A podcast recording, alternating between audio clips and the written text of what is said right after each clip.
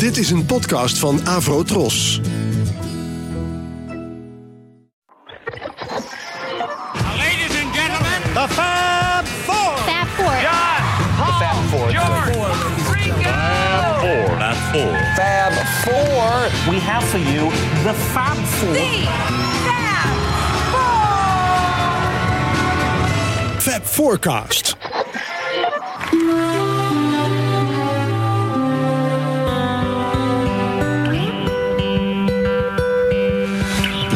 Singing in the dead of night.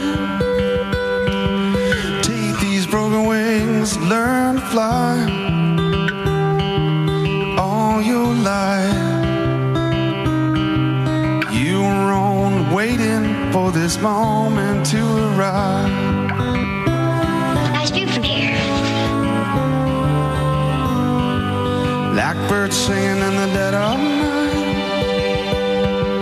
Take these sunken eyes,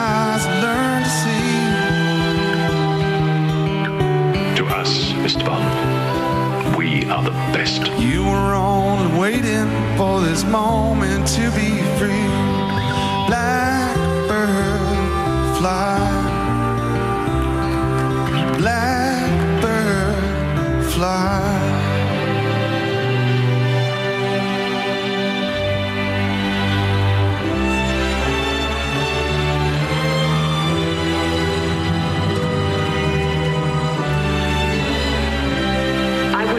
Best of everything.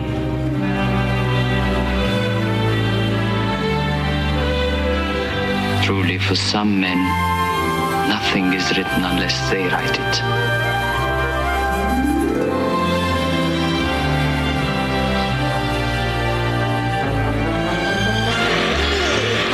Now you're talking. We got the old Herbie back.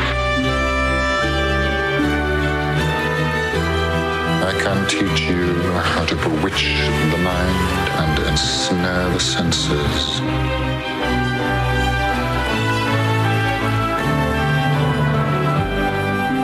Blackbird fly. Blackbird fly. Into the light, the dark black night. The Corleone family wants to buy me out. No, I buy you out. You don't buy me out. Blackbird singing in the dead of night. Take these broken wings and learn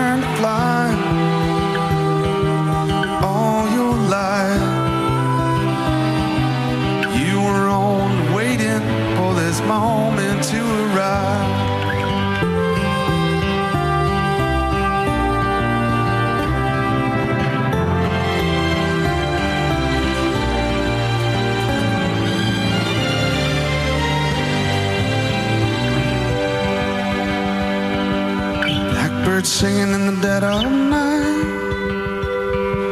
Take these broken wings and learn to fly. All your life, you were on waiting for this moment to arise. I believe I might be of service.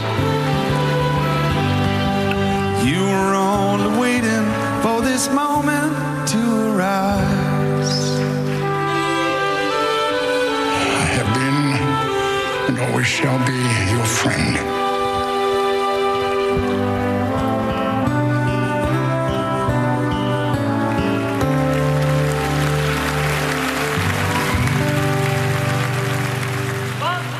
Fab Forecast. Ja, beste luisteraars, welkom bij de eerste aflevering van 2017 die we ja, van Fab Forecast, eh, die ik samen presenteer natuurlijk met Jan Kees. en met Wibo. Ja, en we beginnen eigenlijk heel stemmig, want eh Wibo die maakt al een kleine woordgrap eh, in de correspondentie over de mail deze week, namelijk dat we een doodshow gaan doen in plaats van een roadshow waar hij normaal bij betrokken is. Ja, ja daar, dat onderwerp moeten we toch even bij de horens gaan vatten, want eh, er zijn dit jaar nogal wat doden gevallen en wat we in deze eerste show gaan doen is tegelijkertijd een beetje een terugblik op 2016. En we gaan het echt niet alleen maar over allerlei trieste gebeurtenissen hebben. Maar we gaan uh, memoreren ja, ehm, wat de relatie is van talloze, de talloze doden die zijn gevallen in 2016 met de Beatles. En ik heb de lijst even geteld, Wibo. Het zijn er 23. Echt? Ja. Wow. Wat veel. Wow, dat is heel veel. Ja. ja. ja. Dus we moeten er een beetje snel doorheen. Ja, ze moeten dus allemaal een relatie met de Beatles hebben gehad. Op een of andere manier. Op een of andere manier, ja. ja. ja. Maar dat is niet moeilijk. Oh, oké. Okay. Viel nee. mij op. Ja, nou, alles draait natuurlijk om de Beatles. Uh. Dat, dat valt, Nou ja, het valt mij wel op. Want uh, ik heb een artikeltje even gelezen op... Uh, eigenlijk twee artikeltjes op de BBC-site. Zijn ze eerst keer nagegaan van... Is het nou echt zo dat in 2016 meer doden zijn gevallen dan in andere jaren? Ja. Heb je dat gelezen? Nee, nee, maar dat is een interessante vraag. Ja. Nou ja, dat is echt zo. Zij hebben veel meer uh, obituaries, dus uh, zeg maar uh, stukjes gewijd aan, gewijd aan mensen die overleden zijn gemaakt dan in, in, in, in andere jaren. Oh. Het begint al in de eerste paar maanden van het jaar tot 31 maart zijn er in 2012 vijf celebrity doden te melden.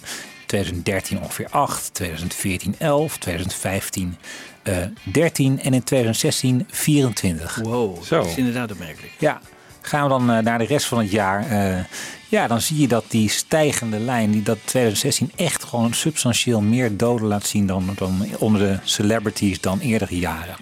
En zij noemen ook een verklaring, namelijk de opkomst van de populaire cultuur in de jaren 60. Met ook een opkomst van ja, de exposure van celebrities op tv, op film, op internet.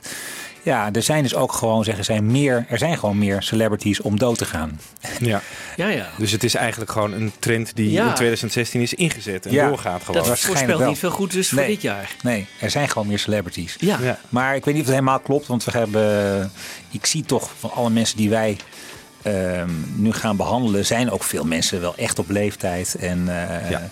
Ja, maar ook Maar toch- aantal niet. Aantal niet ook hè? aantal duidelijk niet. Nee, nee. En eh, nou voor de ja, mensen uit, eh, die groot zijn geworden in de jaren tachtig, zoals Wiebo en ik, eh, is het ook nog wel eens eh, af en toe ja, echt wel droevig om te zien dat Ja. er een paar mensen heel jong dood zijn gegaan. Nou, dat zal voor veel van onze luisteraars ook wel een herkenbaar gevoel zijn. Wat hoorden we eigenlijk net, Michiel? Ja, dat was heel erg smaakvol gedaan wat mij betreft. Dave Grohl op de Oscars op 28 februari eh, 2016. Eh, hij zong dus Blackbird, dat, eh, dat zal duidelijk zijn. Eh, maar dat was eigenlijk eh, een tribute aan alle filmdoden uit 2015. eh, die hij op deze manier dus eerde. En ik vond het ontzettend mooi gedaan. Heel mooi. Ja. Met die, met die eh, spoken words in. En eh, even zo'n zo'n intermezzo van een minuutje met alle strijkers. Ja. En, dat je al, Ja. en eh, het is ook mooi om even op de film te zien. Want daar zie je dat uiteindelijk ook Albert Measles wordt genoemd. Oh ja, wel? ja, van- ja, van de ja, Brothers. die, eh, die in 2015 ook is overleden. En even David Bowie komt daar aan het eind ook nog langs. Die natuurlijk ook de nodige films heeft gemaakt. Ja, klopt, ja. En dan Oh, gaan, ja. gaan we zo En meteen- wie heeft dat prachtige arra- arrangement gemaakt? Dat weet je Dat weet ik niet. Nee, weet ik ook Dat niet. is schitterend, heel mooi. Kunnen Ja. die Amerikanen echt heel goed. Hè? Die Ja, We zouden eigenlijk eh, onze remixer eh, Bob de Jong eens even moeten vragen om dit ook met 2016 te doen. ja. natuurlijk. Hey, dat is... nou Bob. Bob, als je luistert, aan het werk, jongen. Ja, Ja. ja nee, echt mooi gedaan. Heel Ja. Maar we gaan dus een beetje chronologisch eh, de overleden eh, artiesten, of die allemaal dus een link met de Beatles hebben, eh, behandelen. En eh, nou, het begint op 4 januari al, eh, Ja. Michiel. 4 januari. De oliebollen zitten net achter de kaken. En we krijgen het bericht dat Robert Stickwood overlijdt. Op Oh ja. 81-jarige leeftijd. Ja, er komen nog wat shows aan over het management van de Beatles. eh, deze eerste periode van 2017. Eh, maar daar, en daar wordt Stickwood ook wel in genoemd. Kan ik al verklappen. Maar hij was natuurlijk de man die eh, ja, op een gegeven moment toen Brian Epstein in 1967 een beetje gehad had met eh, het, zijn ever-expanding imperium van artiesten en eh, de drukte die dat met zich bracht, eh, die er wat rustiger aan wilde doen, eh, niet meer, ja, het was voor zichzelf niet meer zo'n belangrijke rol als, als de manager van de Beatles al weggelegd. En toen eigenlijk, ja, Stickwood, die kreeg het hele Beatles-imperium als het ware in de schoot geworpen. Een Ja. plek die Alan Klein al, al, al jarenlang op, waar die op zat te azen, wordt eigenlijk bij Stickwood in de schoot geworpen, zou je kunnen zeggen. Ja. Maar het heeft kort geduurd, hè? Ja, de Ja, Beatles want- waren er niet blij mee. Nee, die wilde toch. eh, dan gaan we nu alleen nog maar eh, God Save the Queen. Oh, ja. En dan heel vals eh, op Ja. plaats zetten als jij dat doet. Ja. Ja, Ja. Dus het ging niet door. Nee. Maar- Nou, de deal is wel gesloten, maar het bleek eigenlijk gewoon dat, dat Brian Epstein zo'n beetje de enige was die er echt achter stond. En Ja. in zijn organisatie was het eh, ook een hele andere managementstijl. Ik heb ook geen in memoriam gehoord van Paul McCartney over Stickwood. Nee. Nee. Nee, Nou, hadden zij reden om een hekel aan hem te hebben? Of, eh, of was het gewoon, we willen alleen maar Brian en... Ja, ja en, en, en ik, ik weet ook niet of ze nou zo blij waren met die, met die, met die hele Sgt. Pepper film en zo. Ik weet het ja, niet. dat was pas eh, eh, elf jaar later dat zo, was elf jaar later. Ja, ja, ja. ja. Ja, het was wel een bepaalde managementstijl die, die de Beatles gewoon slecht lag. En, eh, Ja. ik bedoel, het was ook zonder overleg gegaan eigenlijk. En zelfs de naaste medewerkers van Brian Epstein, zo iemand als Alistair Taylor, die zei van, "Wauw, wat heb je nou weer gedaan? Het was echt een, nou, e- eigenlijk Ja. een beetje een faux pas van, eh, Ja. van Brian. Ja. Maar goed, eh, ja. Later, jij zijn nog fotootjes van, van Robert Stickwood met John Lennon. Dus die zijn, het is niet zo dat ze nog elkaars vijanden zijn. Maar Nee, het is Nee. waarschijnlijk ook de manier waarop het gegaan is toen. Ja. Dat, dat, dat Ja. Beatles het niet wilden. ja. precies. Ehm, even kijken, ja, zes dagen later, op 10 januari. We hebben er al een hele show aan gewijd natuurlijk. David Bowie, Ja. die overlijdt. Ja. Ik wil hem toch nog eventjes noemen, op 10 januari 2016. Ehm, het wel grappige is dat ik ben laatst een, eh, een podcast eh, uit Amerika tegengekomen. Dat heet ehm, eh, Beatles Multitrack Meltdown. En daar zat een hele mooie kale mix in van, ehm, van Fame. van David Bowie. We hebben dat Ja. toen ook gedraaid. Ehm, daar kwam mij eigenlijk een beetje, werd mij duidelijk dat Lennon daar ook akoestische gitaar op speelt. En je kunt zijn stem daarin beter horen. Dus ik heb even een heel klein fragmentje daaruit eh, gepakt. Dat wil ik toch nog even met de luisteraars delen.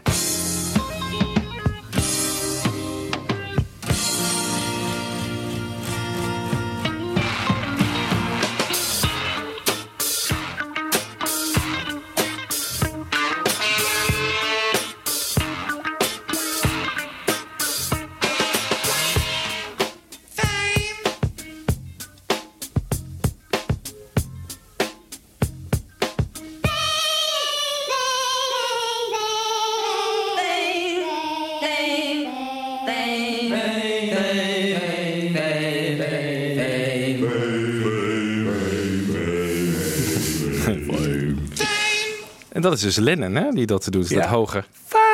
ja, leuk. Ja, Leuk. Nu eh, goed horen. En op gitaar ook Carlos Alomar, hè, die Ja. eh, vooral dat gelikte Ja. stukje doet. Een lekkere groove heeft het nummer toch? Ja. Ja. Fantastisch. Maar goed, daar, eh, voor luisteraars die daar meer over willen weten, over de connectie tussen de Beatles en David Bowie. eh, ja, even een aantal shows terug. Rond eh, begin januari 2016 hebben we daar een hele show over gemaakt. Ja.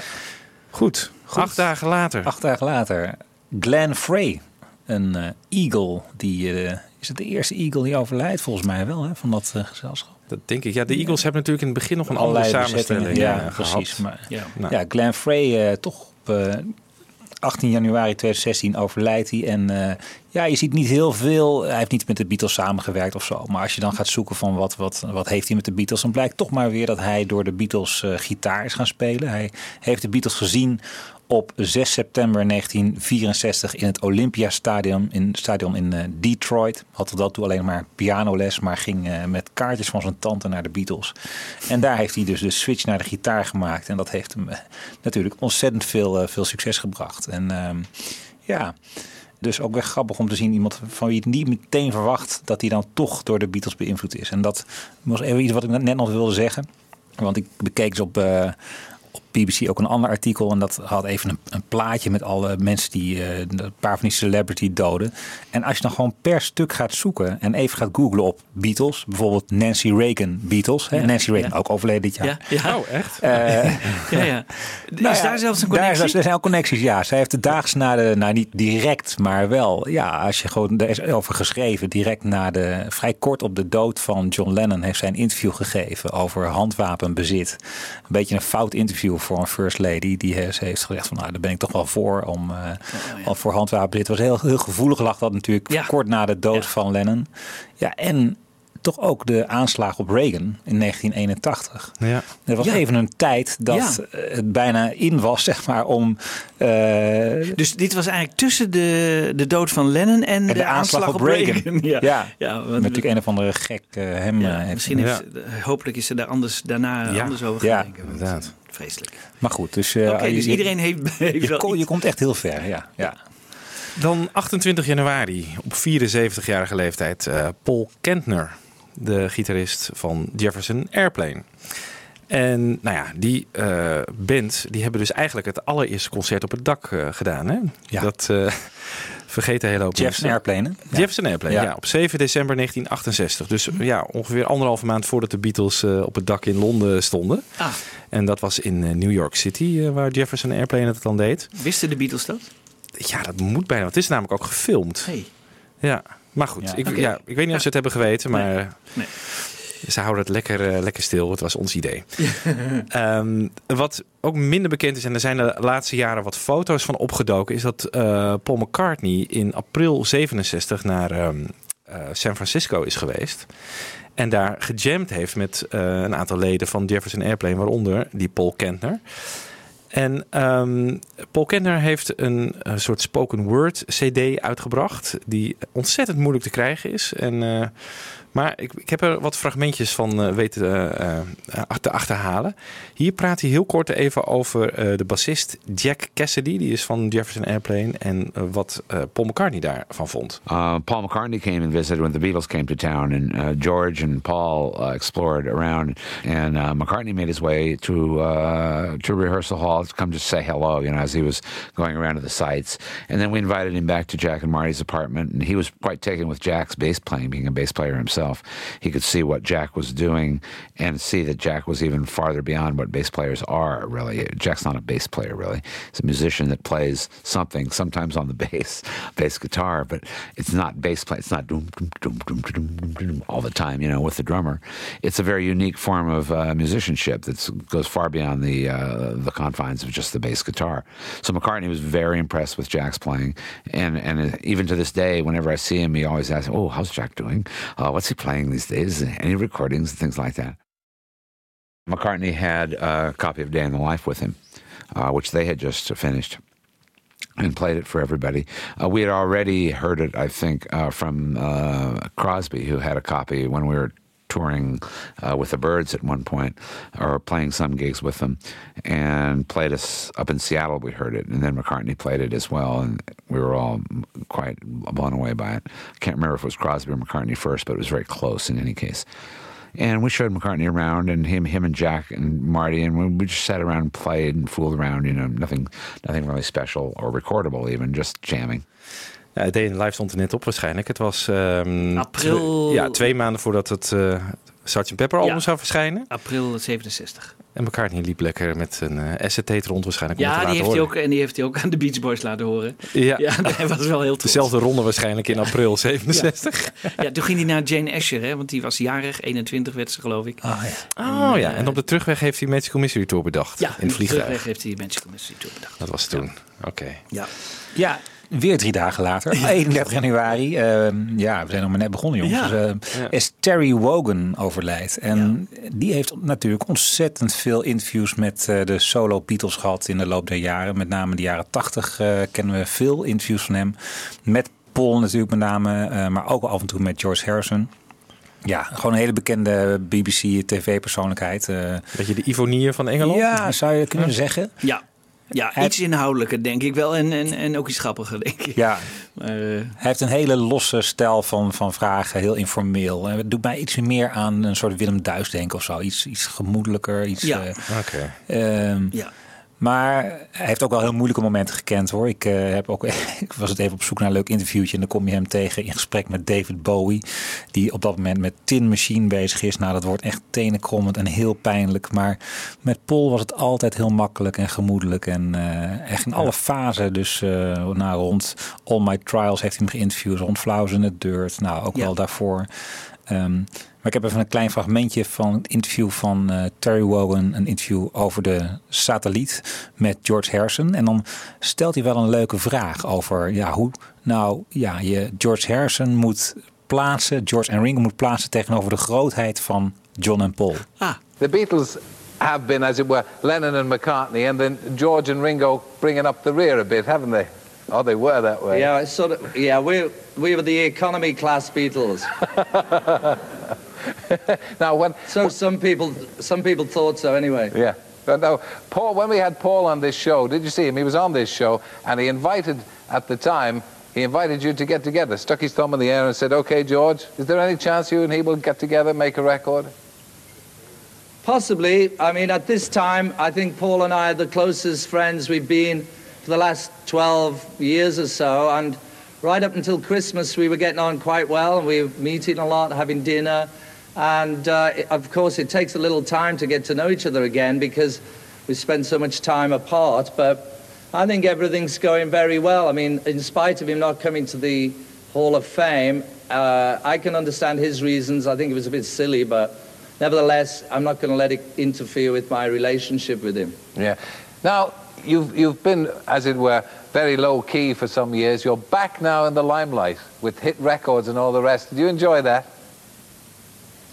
It's quite good, yeah. At this time, you know, I'm more able to deal with it and, uh, you know, I'm actually enjoying it. It's quite good. Yeah. Now, who, do you enjoy listening to now? Do you enjoy listening to Madonna? Oh, yes, she's my, one of my favorites. Yeah, I always listen to Madonna. no, no, actually, I, I still like, uh, I like to listen to ethnic music and um, classical Indian music still, the old blues, the old rock and roll. Yeah. And uh, records by, well, there's a nice record by the Bulgarian Ladies Choir, which I think is sensational. Yes. We'll have to I like peaceful music. Yeah, we'll have to look that one out in the BBC record library, the Bulgarian music, ladies Yeah. choir, yeah. I'll, I'll bring it with me next time. do, yes, all right. We might even get them on the show if they're still around. You should do, actually. It's brilliant. Jan Kees, ik zie jou helemaal... eh, Ja. Jij kent het? Daar hebben we het een keer over gehad, toch? Ja. Ja, daar hebben we het een keer over gehad. Want McCartney was ook een fan van die Bulgaarse, hè? The Voice of Bulgaria of zo. En daar heeft hij een stukje van laten horen in dat uh, Ubu Jubu. Oh, ik dacht al dat het... Een, Dus ze zijn beide daar... eh, ik vind het wel grappig dat hij dat ook... dat, dat ze dat allebei hebben. Ja, hij stelt de vraag ook aan Paul op een gegeven moment in een interview. In, in dat interview van, ik denk een paar maanden daarvoor. eh, dat zit- speelt allemaal zo'n beetje net na de Hall of Fame inductions. eh, En dan komen ze weer bij elkaar. Ja, Hè, en dan ja. is het weer even goed eh, eigenlijk. Dit is aan de, aan de vooravond van de Anthology eigenlijk, hè? Ja, Ja. want uiteindelijk Ja. komt daar dan die Anthology uit voort. Paul zal daar met eh, All the Best of zo rond die periode wat eh, promo hebben gedaan. En George Ja. Cloud9 denk ik een Klopt, beetje. All the. Best. Want hij krijgt inderdaad de gouden of de platina platen uitgereikt voor All the Best. Oké. En Oh, ja. George zit natuurlijk dan eh, heel hoog met eh, Cloud9. Ja. Ehm, en Paul, dan, dan vraagt hij ook aan Paul Terry Wogan van naar wie luister jij nou tegenwoordig? En dan Paul, die, die moet duidelijk echt even nadenken. En dan komt hij met U2, eh, nogal Oh ja. plichtmatig. Ja. Ja. Ehm, maar ook zegt hij dan naar George. En, Ja. eh, en dan Oh, zegt hij van, nou, let's work together. En doen, laten we eens wat samen doen. En dat, dat, dat pikt Terry Wogan hier weer op. Ah, ja, ja. Maar- leuk ook hoe die Economy Beatles noemt. Economy Class Beatles. Ja, gewoon Economy Prachtig, Class. toch? Ja, Ja, ja, hij, heel heeft heel goed. humor. Die, Ja. Altijd leuk. Ja. Nou, dan is het even een maandje rustig, jongens. Februari eh, blijft iedereen in leven. Totdat eh, op 8 maart, eh, en daar hebben we ook al aandacht aan besteed, George Martin eh, overlijdt. Ja. 90 jaar geworden. Mooie leeftijd natuurlijk. Prachtig vol leven gehad. Waarom halen we dit nu even weer aan? Omdat Paul natuurlijk, wij waren op Pinkpop. En jullie misschien ook wel, op Werchter. En daar heeft hij voor het eerst Love Me Do uit de mottenballen gehaald. En dat droeg hij op aan George Martin. And that song, Love Me Do, that song, Love Me Do, we wanted to dedicate it to uh, the late great Beatles producer Sir George Martin. Yay. Ja. En hij gaat nu zelf een nummer maken, hè? McCartney over George Martin en Oh. tribute. eh, Oh, is het zo? Ja, George Martin, ja. Oh, vertel eens meer erover dan. Nou ja, dat weten we nog niet, maar voor, op zijn volgende cd zal daar een tribute aan George. Martin op komen. Dus net, nou, ik denk dat, daar ben ik wel benieuwd naar. Vast met een mooi eh, strijkkwartetje of zo. Ja. Ja. Ja. En wie schrijft dat? Eh, Ja, misschien zijn zoon. Giles, ja, tuurlijk. Ja, Ja. toch? Dat ja, zou mooi zijn. arrangeert hij eigenlijk ook? Dat weet ik eigenlijk niet. eh, net zoals zijn vader. eh, Ja. Dat weet ik eigenlijk weet niet. ik niet. Nee, Dan nou goed, oké, is even- maar wachten. Grote Als- schok, grote schok in de muziekwereld Ja. als op 21 april 2016 Prince overlijdt. Ja. Ja. Ja, dat was toch echt even een eh, kleine siddering eh, die door heel veel eh, mensen heen ging. Ehm 21 april 2016 dus op zijn eh, park, geloof ik. In de lift wordt hij op een gegeven moment Ja. doodgevonden. Paisley Park. Ja. Ja, Ja. Paisley Park. Weten we de doodsoorzaak nu inmiddels? Het is toch een ongelukkige combinatie van eh, medicijnen, geloof ik. Of te Ja. veel. Vanwege een eh, heup. Voor, nee, van zijn heup, geloof ik. Ja, dat oh. hij daar heel veel Oh last ja, er van was had. een bepaald medicijn wat hij te veel had gebruikt. hè? Ja, wat Ja. Michael Jackson geloof ik ook fataal is geworden. Ja, ja hetzelfde medicijn. Ja, en dan krijg je daarna meteen altijd weer een discussie over de artsen die vervolgd moeten Ja, worden. Dat die het ja. allemaal slecht hebben gedaan. Maar goed, eh, daar horen we nu even niks meer van.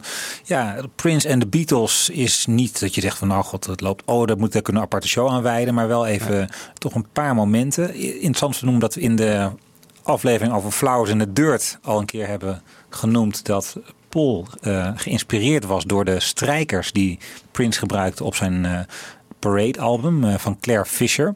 Ja. Ehm, en dus hij luisterde wel naar Prince kennelijk. En eh, nou, in, later kom je in dat nummer Distractions van eh Flowers in the Dirt horen we die strijkers terug. Ook van, eh, van diezelfde Claire Fisher. En ehm, Paul zegt overigens in het interview dat Simone Walraven met hem had in Countdown ook, van dat hij naar Prince luistert. Oh ja, ja. zei oh, ook. leuk. Ja. Oh, leuk. Oh ja. ja. Ja, en op 2004 dan eh, wordt eh, George Harrison in de Hall of Fame eh, ja, ingewijd. Dat een, eh, groot dingetje. En daar staat ook een keur aan artiesten op het podium. Tom Petty, Jeff Lynne, nou, Dani staat er natuurlijk ook bij. Ja, en wie mag de solo voor zijn rekening nemen? De solo op While My Guitar Gently Weeps. Dat is Prince. Ja, maar dat, is- dat niet vreemd, Michiel? Want die andere die kan ik allemaal plaatsen. Maar heeft Prince iets met, met George? Want Nee, ik geloof, wat ik er ook van begrepen heb, is dat het ook een beetje een, eh, een discussie was of Prince dan wel of niet op het podium moest. Ik geloof dat eh, Danny heeft besloten van ja, die moet er gewoon op. Ja. Oh. Want die speelt zo waanz- waanzinnig gitaar. Het was Ja. meer bedoeld volgens mij ook vanuit Olivia van alleen George's vrienden moeten op het podium staan. ja. Ah ja. Ja. Maar Danny wilde Prince erbij. Oh, Ja. dus ja, ja. Dus er was wel enige discussie over. Ja. Ja. Ja. Nou, het, wordt een, het is een 6,5 minuut durende versie van While My Guitar Gently Weeps. Dus we gaan hem niet helemaal draaien. Maar over die solo, die is wel zo vaak op Facebook geplaatst en op andere, andere filmpjes in, zijn, in de, zeg maar, eh, toen die net overleden was, dat het toch wel de moeite waard is om die nog even met zijn even te draaien. De solo van Prince op de Hall of Fame inductions in While My Guitar Gently Weeps.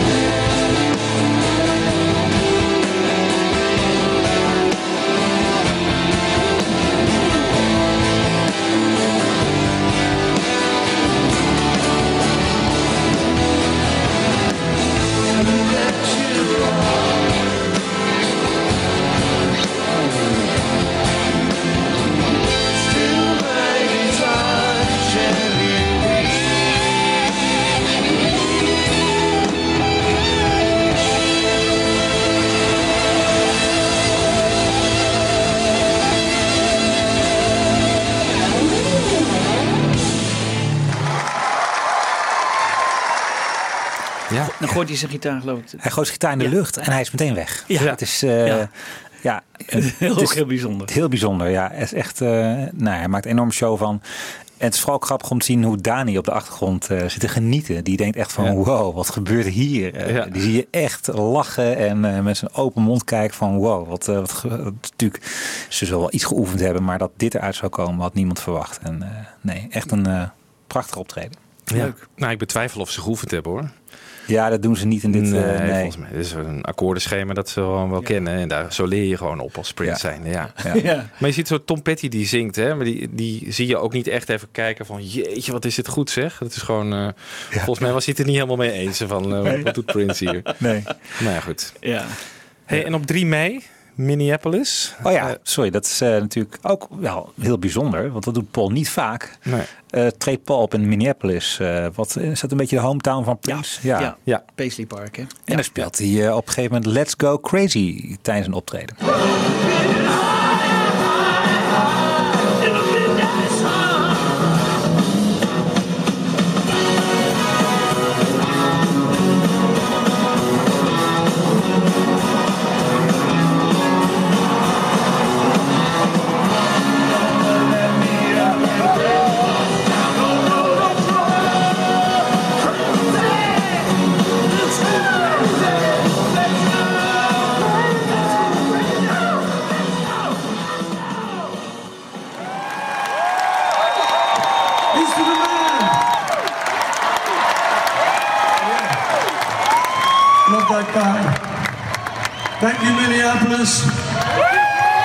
Thank you, Prince.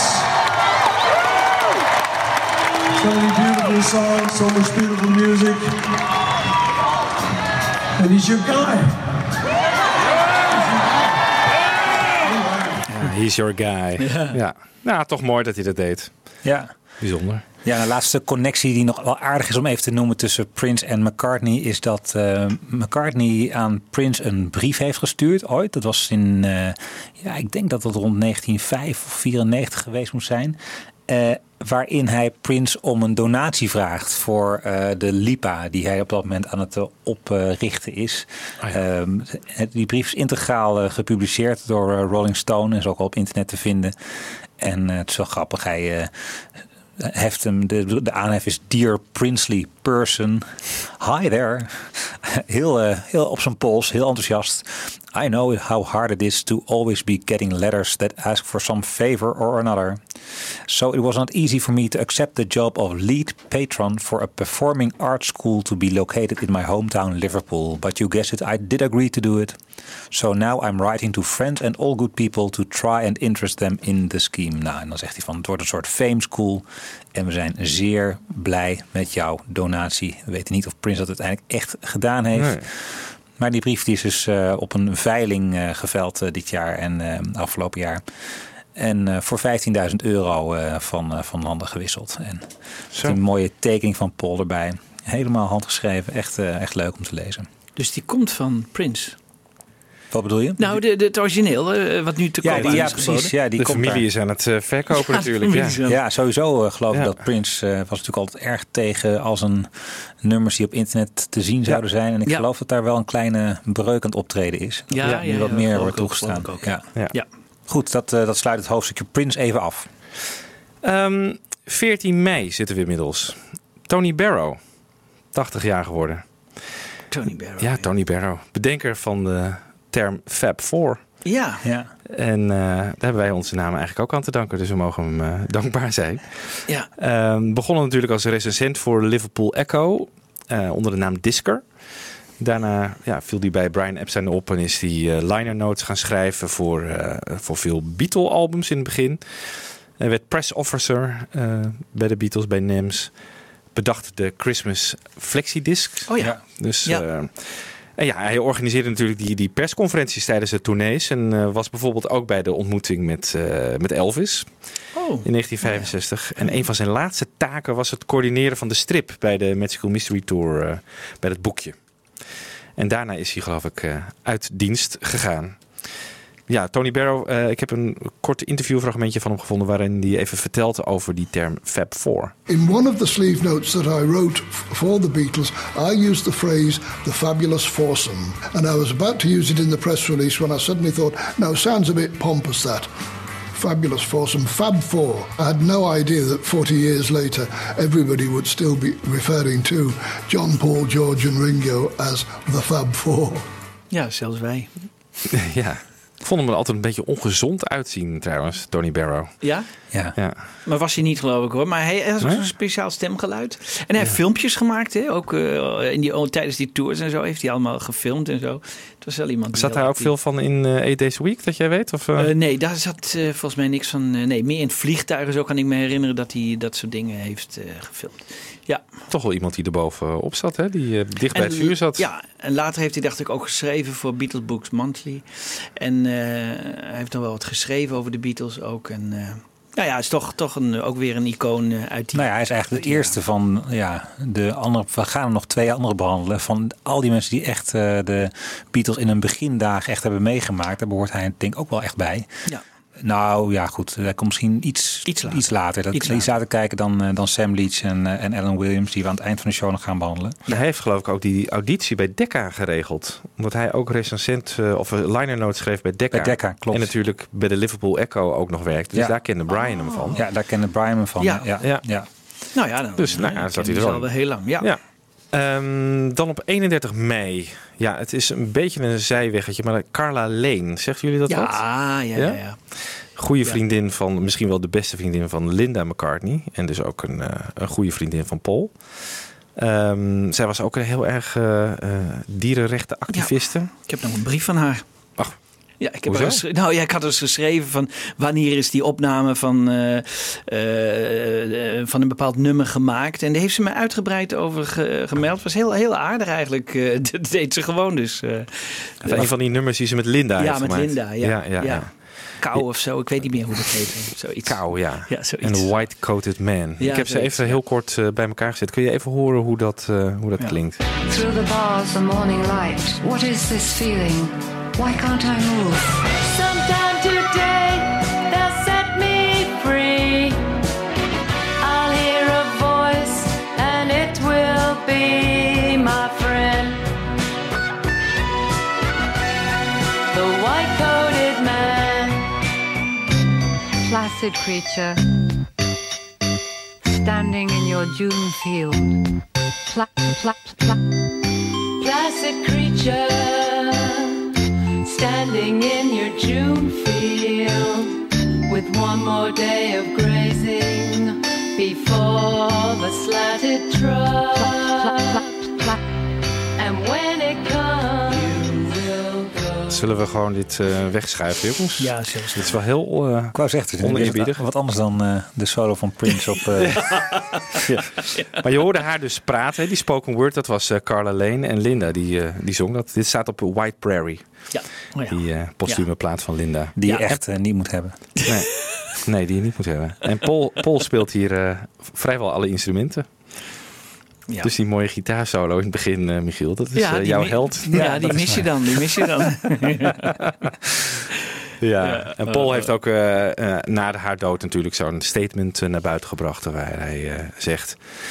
The world has lost a great advocate for the rights of animals, but more importantly, someone who saw the value of her fellow creatures' lives and did everything in her power to show them the love and respect they deserved. We will miss her. Toch is interessant om te, op te merken wanneer Paul het nou wel en wanneer Ja, hij nou niet gaat ja. twitteren over dit. eh, Over doden. Over, over doden. hè? Ja, over doden, ja. Het zegt wel iets over hoe Ja. hoog hij ze heeft staan. Hè? Ja, ja, dat is interessant. Want Sam Leach volgens mij niet. Nee, Sam Leach Nee, niet. Alan Williams heb ik ook niet. Nee. Ja, ja, heeft Ja? hij volgens mij wel iets over gezegd. Ja. Oké. ja, hij zei, ik kan me vaak herinneren van ja, we maakten ook wel grapjes over zijn hoge stem. Maar eh, Oh. volgens mij heeft hij wel iets over gezegd. Oké. Maar George Michael natuurlijk wel weer. Ja, George eh, Michael David wel. Bowie ook. Ja, ehm, ja. ja, Ja. Ik weet het niet precies. Henry McAuliffe Ja. ook wel. Ja, Ja. Krijgen we zo. Maar-. Krijgen we zo. Wat hij dan zegt en hoeveel hij zegt, hè, dat is interessant. heel veel uit. Ja, maakt heel veel uit. Ja, maakt heel veel uit. Ja. En bij Ringo weet je altijd dat het gewoon eh, peace and Peace love. Peace and love. Ja, maar die twittert dat altijd, hè? Kun je van tevoren al. Ja. En ook altijd, die twittert dus altijd met daarna een, eh, zo'n, zo'n emoticon van zo'n geel gezichtje met een brilletje op. Die eigenlijk een beetje lacht. Dus Ja. Ik vind het heel ongepast. Ja, heel ongepast. Heel Ja. ongepast. Ongelooflijk. Ja, nou ja, goed. Eh 3 juni. eh, op 74-jarige leeftijd Mohammed Ali natuurlijk. De legendarische bokser. Ja. En wij kennen hem natuurlijk eh, met de Beatle-connectie vanwege die beroemde fotoshoot in februari 64 in, in Miami. Ja. Ook behandeld in onze USA Visit Ja. show. Een Ja. van de eerste was dat. Ja.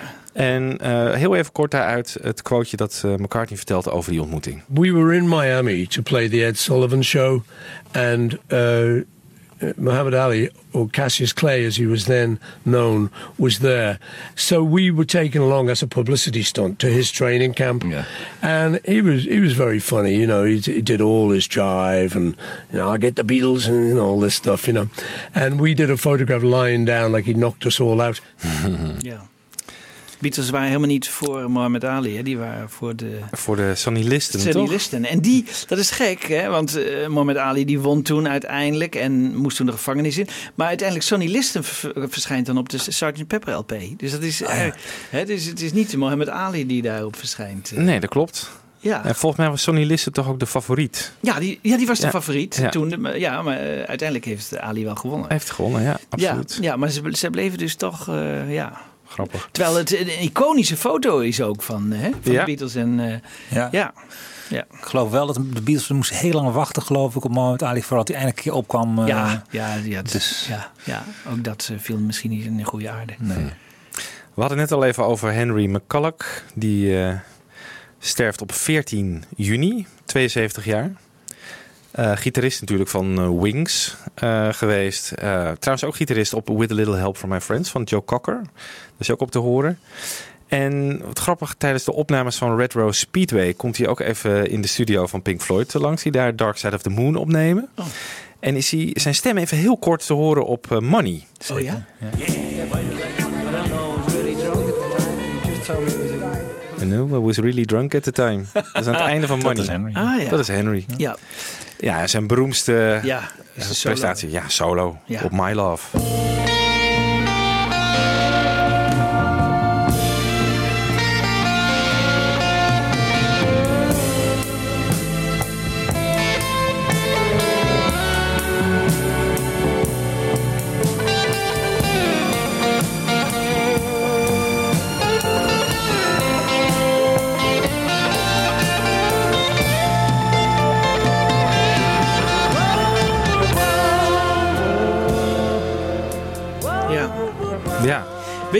Je, eh, wat ik zo knap van hem vind, dat hij door heeft gezet. Hè? Want hij wist, ik, ik, ik, ik kan hier een geweldige solo maken. Maar hij wist nog niet dat het zo fantastisch zou zijn. Maar hij heeft toch doorgezet. Hij heeft McCartney weten te overtuigen. Dat vind ik ten eerste knap. Maar ik zou ook graag willen weten wat McCartney zelf nou had bedacht. Want die had een hele andere solo in gedachten. Of Ja. die echt minder was en hoe die dan klonk. Hè? Dat, dat soort dingen, dat- dat zou ik heel graag... eh, misschien hebben ze dat ooit geoefend in de, hè, in de studio. Ja. En dat, de hoop is natuurlijk dat dat ooit nog eens naar, naar buiten Maar En dan wil hij ook eh, bij live optredens heel graag een, die solo gewoon improviseren. En dat Ja. mag dan weer niet. Dat hè? mag niet. Dat Nee. mag niet. Nee, Nee, zo werkt hij mag niet. zijn eigen solo Oh, ja. niet. eh, hè? Dus eh, ja. En die solo heeft hij geloof ik tegelijkertijd met het orkest opgenomen. Hè? Dus eh, wat Oh. Paul daar ook wel over vertelt. Van, eh, dat Henry naar hem toe kwam van... Hey, do you mind if I change the solo?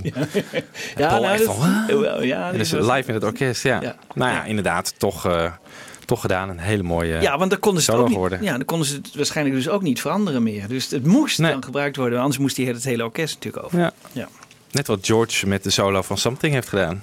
Ook Ja. tegelijk met het orkest. Omdat er geen sporen meer over waren, geloof ik. Ja, wordt gezegd, maar Ja. dat valt mee. Want eh, mee? je, je kunt ze gewoon gescheiden eh, terugluisteren. Dus dat Oh. valt mee. Ja, dat, dat is het verhaal. Hè. Dus de, Een van maar- de maar- mythes. Ja, van de mythes. Ja.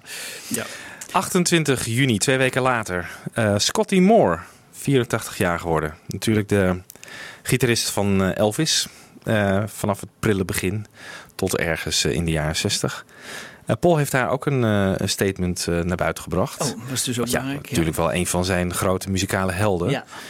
Um, he sounded to us like nothing we'd ever heard before, and the gods in the Valhalla couldn't have made a better sound. And uh, I was lucky enough to record with him for a Sun Records tribute album. Oh ja. And yeah, rest in peace, Scotty, one of the great gods of the guitar. Uh, inderdaad, op tweede, in 2001 heeft hij voor uh, Good Rockin' Tonight, The Legacy of Sun Records, dus een documentaire en een album, heeft hij samen met Scotty Moore en uh, DJ Fontana, dat is de oorspronkelijke drummer van Elvis, heeft hij That's Alright Mama ja. opgenomen. Ja. En bassist Bill Black die is natuurlijk overleden al in ja. de jaren 60. Dus, en, en Elvis is ook dood. Dus El, Paul doet Paul zowel heeft de, heeft Bill bas, als Elvis. Van, ja, heeft de bas van Bill. Ja, maar hij speelt het op zijn Hofner. Dat is dan wel weer jammer. Ja, ja. dat was leuk geweest. Ja. Als hij die eigen... Ja. ja, dat was wel leuk geweest. Maar Ja. misschien kan hij dat niet tegelijk spelen en zingen. Maar ja, aan de andere kant... Of, of is dat ook heel anders, zo'n staande bas Ja. spelen dan, eh, ja, Ja. dan zo'n... eh, ja, dat is wel anders spelen, ja. Ja. Maar goed, eh, Nou, laten we even naar die, eh, naar die versie luisteren. Eh, ik heb een gedeelte uit de documentaire, dus wat gepraat voor en achter de aangelaten. Dus eh, That's Alright, Mama, eh, Paul McCartney, Scotty Moore en DJ Fontana. You want to put put down the bass first, or you Yeah. want to do it simultaneously? No, simultaneously. Simultaneously? At one and the same time. Yeah. Seriously? Sure, man. Well, okay, uh, Let's do it, man. you still have that vocal there. Go by. Just try it, man. Yeah, let's have a go. You know. Spontaneity. That's the way to do it. You ready to go, guys? Yeah. One, two, three. I'm sorry. Oh, sorry. Oh, sorry, man. Oh. One, two, three. Okay. You want us all That's both of us, one each. Okay, a yeah, mistake sorry. each. Now, no laughing and joking, guys. This is serious. This is Oh, yeah. work, okay? You know, so don't want you to, like, you know, start goofing off on me. I'll try my best. Here we go. Oh, one, two, three.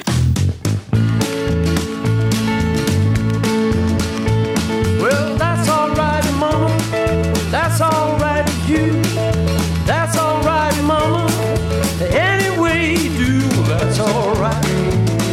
That's all right. That's all right now, Mama. Any way you do. Well, Mama, she done told me. Papa done told me too. Son,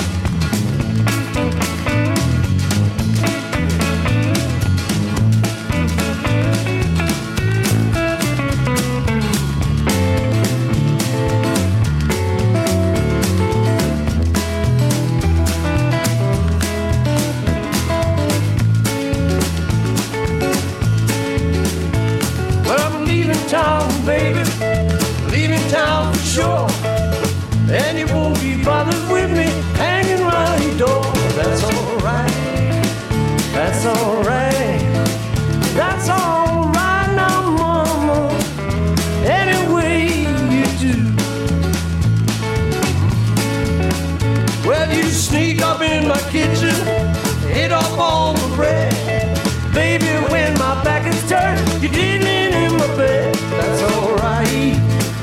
That's alright.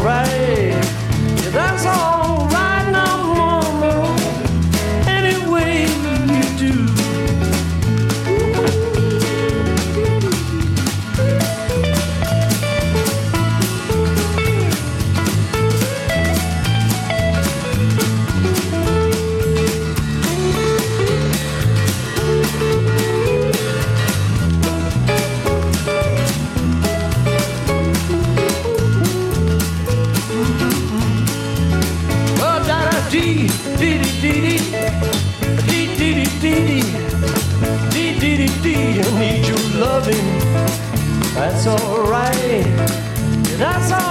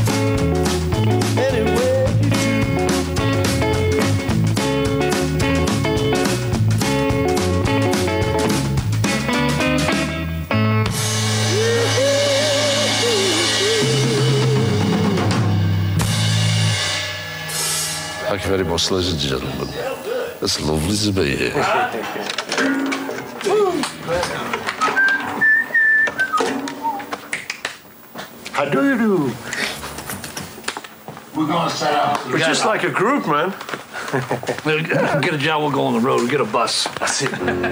My tears are falling cause you've taken her away.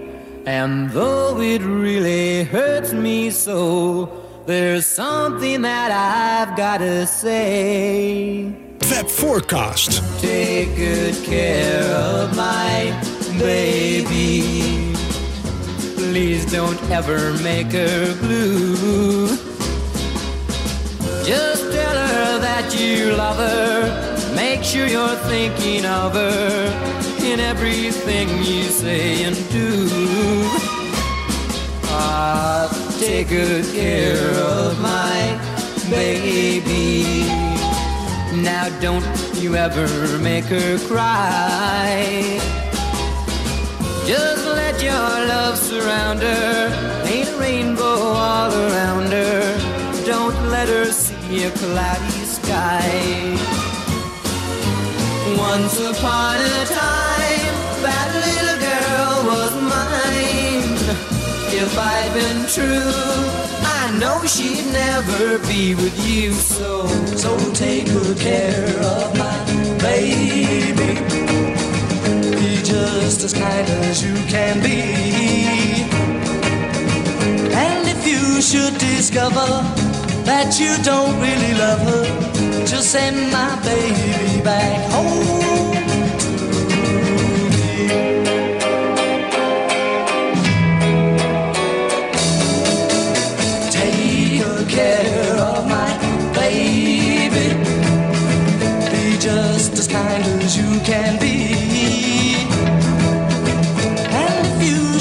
discover that you don't really love her, just send my baby back home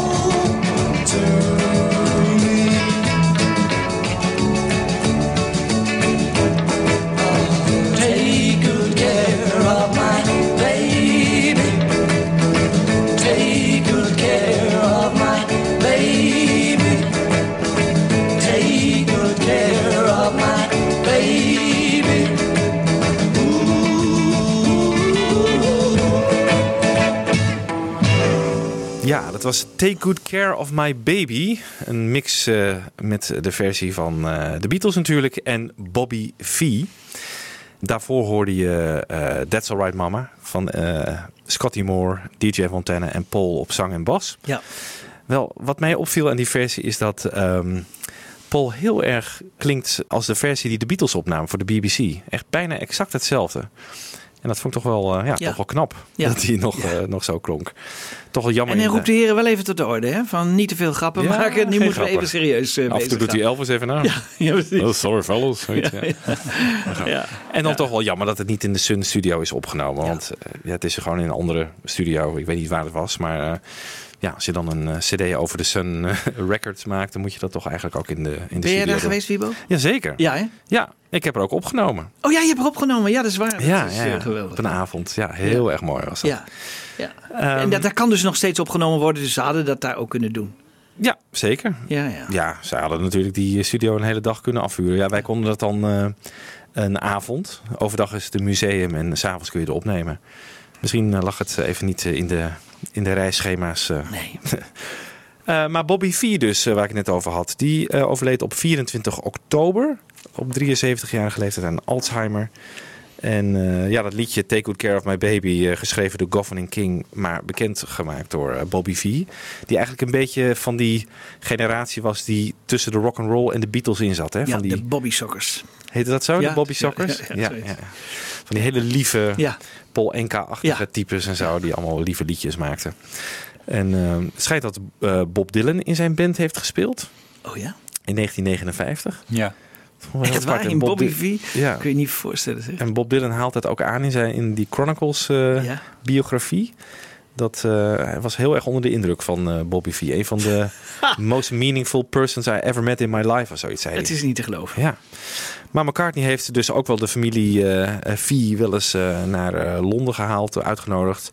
Bijvoorbeeld in 99 voor zo'n feest rond de muziek van Buddy Holly. Waar Oh ja, Paul natuurlijk de rechten van heeft. Ja, dat deed hij toen nog. En ja, Heet hij, McCartney- echt, heet hij echt V? Of, V, Bobby V. Ja, zijn de- zoon Jeff V said McCartney was very generous with his time and wanted to show his appreciation to artists like V who inspired him.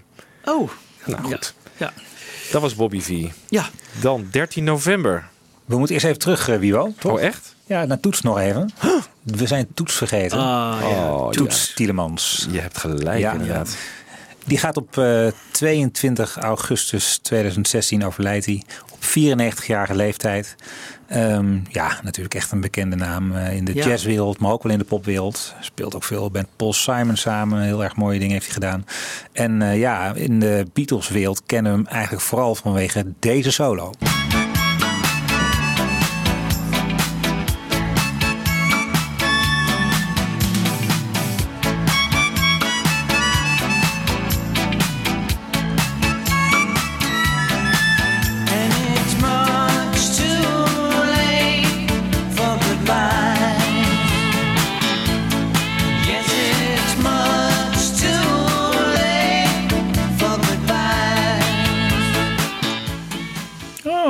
Ik heb hem ooit eens mogen interviewen, onze Oh, toets in België. Maar heb ik hier niet- eigenlijk niet eens naar gevraagd. Ik, dit was Oh, niet ja. Kees, is-. Ja, kans, maar het ging ook over een heel ander onderwerp. Maar eh, Oh, ja. ja. Nou ja, als je hem nu in interviews ziet, dan merk je wel, hij praat heel graag over van alles en nog wat. Ja. En eh, hij Ja. komt ook een paar keer ter sprake over de invloed die hij heeft gehad op de Beatles. Eh, want die is er wel degelijk. Eh, ik wist Ja. dat niet, maar hij is natuurlijk voordat hij heeft in, hij heeft in 81 heeft hij een beroerte gekregen. Eh, dan eh, gaat hij eigenlijk veel ehm, eh, eh, mondharmonica spelen. Want voor die tijd is hij gitarist. Ja. En ehm, ja, hij kan dan op een gegeven moment niet meer goed gitaar spelen. En dan zo schakelt hij over op de mondharmonica. Dus daar kennen wij hem eigenlijk van. Eh, nou ja, al wel eerder natuurlijk Turks Hij speelde zo. volgens mij een Rickenbacker gitaar. Ja. Daar is Lennon heeft dat, eh, want hij stond Ja. ook in advertenties van Rickenbacker, als ik me niet vergis. Ja, bijna, bijna. Bijna? Bijna. Ik vergis me toch. Michiel. Je vergis je dus. Ja, even bot gezegd, je vergis je. Oh, nou, toe maar. Wat is het dan wel? Nou, eh, er is een plaat van ehm eh, Toets Tielemans die samenspeelt met de George Shearing Quintet. Ja. Een, eh, een jazzgroepje. ja, heel bekend. Heel, heel bekend. Ja, is echt een... Ja. eh, ja, ja. En John die ziet die plaat op de eerste trip naar Hamburg. En die denkt, ik wil ook zo'n gitaar. En dat is de Rickenbacker 325. Die hij dus koopt in Hamburg. Ja. Eh, en dat doet hij dus omdat hij eh, een toets daarmee ziet staan op die albumhoes. En die albumhoes, ja, die heb ik hier voor me even. En dat, daar zie je inderdaad eh, toets staan. En dat is die, volgens mij ziet hij er wit uit op de, op de hoes van dat originele album van George Shearing. Maar later kennen we dat eigenlijk de gitaar waarop we Lennon in zijn live jaren zien. Met die zwarte bovenkant en die witte onderkant. Waar Ja. hij nou op Shea Stadium en overal zien we altijd mee. En die heeft hij eigenlijk dus gekocht omdat hij eh Toets Tielemans ermee zag. Ja. En een paar jaar later, want dat, eh, dat is het Rickenbacker moment dat ik mij kan herinneren. Dat eh, George Harrison dat instrument aangeboden krijgt als ze in Washington zijn. Of nee, New York zijn. Hè? Dus eh, Ja. voor de eerste trip februari 64. Dan gaat eh, na de show bij eh, Ed Sullivan, wordt dat instrument aangeboden door de firma Rickenbacker aan, aan George Harrison, maar ook aan John Lennon. En die firma zegt van ja, we willen eigenlijk ook iemand, een beetje raar idee eigenlijk, maar we willen iemand hebben die het ook eh, ja, kan voordoen of zo. Ik weet niet waar. En dan zegt Tielemans, al- en dat was dus Tielemans, die was gevraagd, die was daarbij op dat moment. Die is Oh. daarbij geweest. Wow! Eh, maar die zei ook wel van ja, het was natuurlijk een beetje absurd. eh, Want je hoeft hen niet te laten zien hoe ze gitaar moeten spelen of zo. dus hij ging alleen maar mee om ze hallo te zeggen. En dan schijnt John ook zoiets gezegd te hebben van... oh, eh, ben jij, ben jij nou de man? Ja, nou als het goed genoeg is voor George Shearing... dan is het zeker genoeg, goed genoeg voor mij, dit, dit Oh. instrument. Dus eh, Ja. hij is daar gewoon bij geweest. Eh, waarschijnlijk Mooi. op het moment Ja. dat George daar dus ziek in bed lag... of half ziek in bed. Oh ja, ja, maar Ja, dat is ook een beetje die die, tijd. die 12 string hè, die Ja. ze toen hebben gekregen. Ja. Allebei. Ja. Ja, George Shearing die heeft, eh, laten, eh, heeft ook eh, met Peggy Lee veel opgenomen. Dat was weer een. eh, hè, daar was McCartney weer fan van. En ik geloof dat Toets ook Midnight Cowboy heeft gedaan. Die Zeker. Harry Nilsson weer. eh, nou ja, fijn. Ja. Ja. Er zitten omheen wel allerlei connecties. Maar eh, dit is een mooi verhaal. Dit is een heel mooi verhaal. Ja. Nou, mogen we nu dan naar 13 november, Michiel? Is goed, is goed. Nee, Toets het is toch goed dat we Toets Ja, niet hebben absoluut. Ja. Ja, 13 november, ja. Ja, ook weer. Leon Russell. Ja, Leon Russell. Ja. 74 jaar. Ja, die we kennen natuurlijk vooral van eh, Bangladesh. eh, denk ik als Beatles-fans dat wel het, het moment waar we mee associëren. Maar natuurlijk ook gespeeld met eh, Joe Cocker. Veel albums gemaakt. Ja, op een of andere manier ook bij het voorbereiden van deze show is hij niet voor me gaan leven of zo als persoon. Er zijn niet veel sappige verhalen over Leon Russell te vertellen. Het was gewoon een hele getalenteerde, goede studiomuzikant die eh, ook- Sessiemuzikanten. Precies. ja, er was laatst een documentaire over die sessiemuzikanten in De Los Wrecking. Crew. Ja, Wrecking Crew, en daar ja. kwam die ook in voor. Ja. Hij was eh, toch in de jaren 60 een Ja. heel bekend sessiemuzikant. En hij heeft een relatie gehad met die Miss Odell. Oh ja. Ja. Ja, daar heeft hij een lange relatie mee gehad. Ja. Ja. En later begon hij er een beetje uit te zien als een soort tovenaar. Hè? Met dat witte haar. Het zou in The Lord of the Rings kunnen Ja, spelen. soort Lord of the Rings, ja. Ja. Ja. Nou, Ja. het is, eh, het is hem. Hij heeft natuurlijk een paar klassiekers geschreven. A Song for You en eh, ook een paar echt mooie albums. Maar ehm, ja, hij is wel echt naar lage wal geraakt. Eh, en Ja. dus eigenlijk een paar, jaar, een paar jaar geleden is hij een beetje door Elton John weer eh, Oh ja? uit het dal getrokken met een, nieuw album. En eh, ja, dat eh, is toch, vind ik ook wel, wel enorm knap en solidair van zo'n Elton Ja, John of zo. ja, dat dat, dat ja, hij dat doet. ja. Eh, want ik bedoel, eh, Hij hoeft dat niet een enorm commercieel belang is daar niet te vinden. Hè? Een, een, plaat met Leon Russell maken. Ja. Maar het kan hem gewoon niet schelen en hij doet het gewoon. Ja. En, Ja. eh, Ja. ook lovend onthaald. Oké. En ehm, ja, wat hebben we staan? Een paar. Ja, ik wil toch even dat Beware of Darkness van Bangladesh. Even een fragmentje. Op Ja. het moment dat Oh ja, dat eh, hij. Leon Russell in komt vallen. Dat is eh, heel mooi.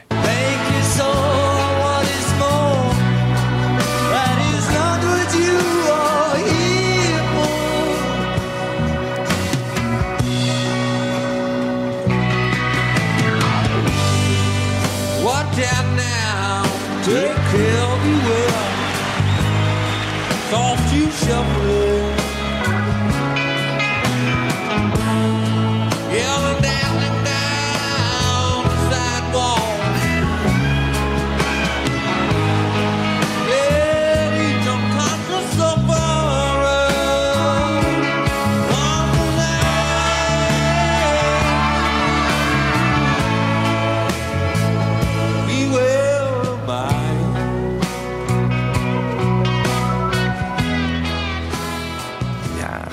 Ja. zingt het lekker hè? Oh, Ja. zo lekker, zo lekker. Ja. En die reactie van het publiek, dit, dat is ook heel erg leuk om te horen. Hè? Die eh, Ja. klappen als hij gaat zingen. Ja, hoe die binnenkomt. En, Ja. What you know. Echt, Beetje Dylanesk of zo. Ja. Ja, ja. ja. Ja.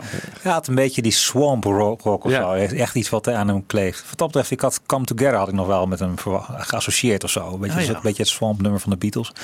Ja. Dat heeft hij niet gedaan. Maar hij heeft wel nog eh, een keer gespeeld met Badfinger. Op hun album, hoe heet het ook weer? Straight Up. Uit, eh, uit 71. En daar eh, speelt hij piano. En George speelt daar eh, gitaar. En het is ook een single geweest natuurlijk van het album. Eh, heel erg mooi nummer. En nou, toch aardig om even te draaien. Day after day. Dus met name aan het eind hele mooie combinatie van de slidegitaar van George en de piano van Russell. I remember finding out about you.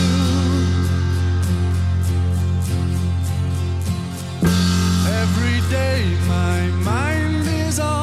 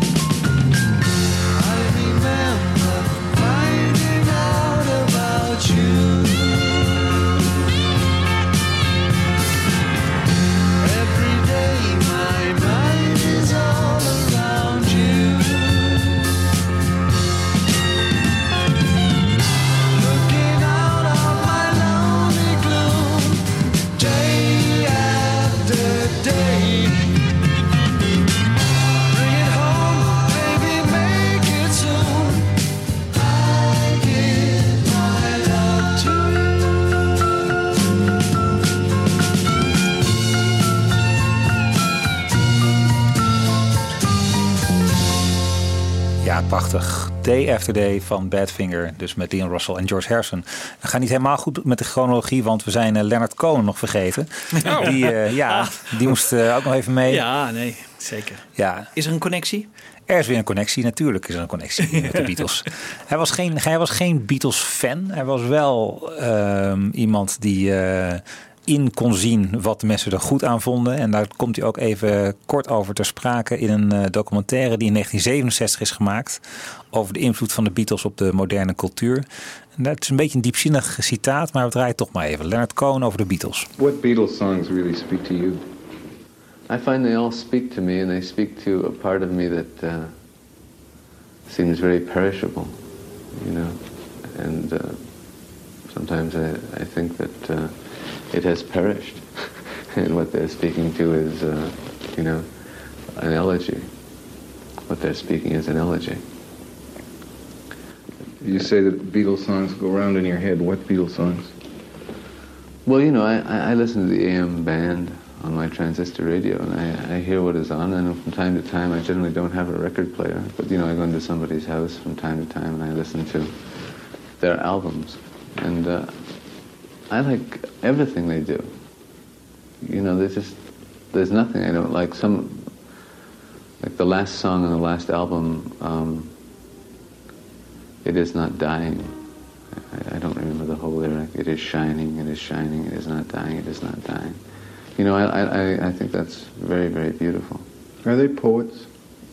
Oh, oh yeah. Well, whatever we mean by poets, if we mean by that, you know, they are dealing with some essence and handling it in a, you know, in in a in a state of grace. Certainly, they are poets. We're we're all standing on somebody's shoulders, and it's true that the shoulders they are standing on are are, are somehow the people that um, dissented, the people that uh, somehow cast a cold eye on what was going around.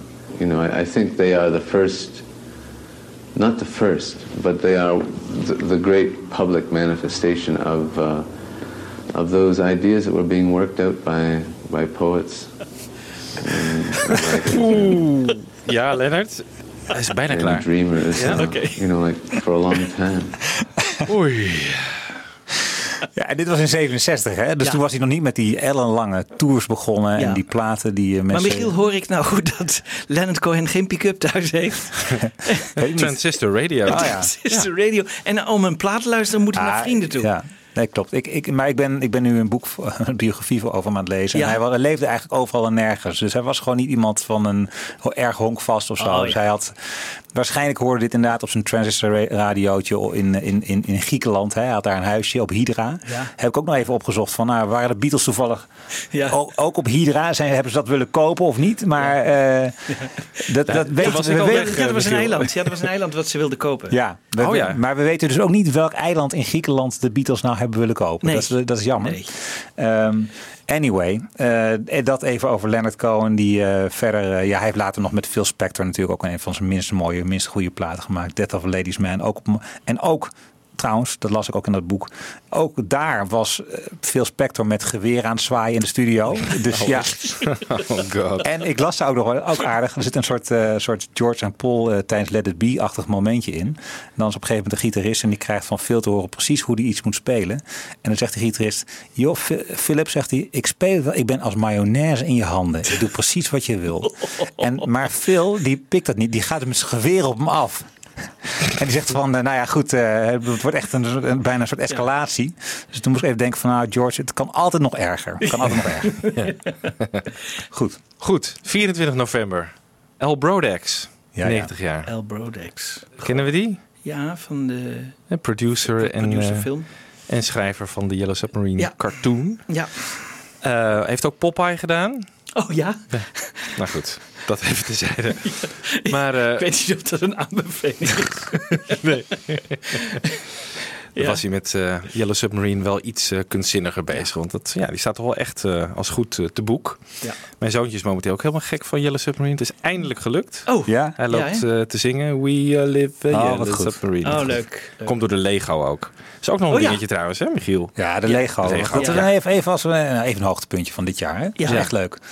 Ja, dat, eh, we, ik zag gewoon bij veel luisteraars en, eh, van de podcast ook op, eh, op Facebook eh, bleek Ja. dat ze hem hadden gekregen. Ja, aan de Hurenkamp zeg ik ook. Leuk hoor. Ja, nee, heel leuk. Het Ja. is ontzettend mooi gemaakt. Ja. Nou, eerder deze week hadden Michiel en ik een interview met de bedenker van de Yellow Submarine Lego. Hij heet Kevin Seto. Ehm, Kevin was aan de telefoon vanuit Toronto. En eh, ja, let op, Michiel hoor je nu opeens ook aan de telefoon Ja. vanuit Leiden. Dat je niet in de war raakt. Eh, hoe dan ook, laten we even naar dat interview luisteren.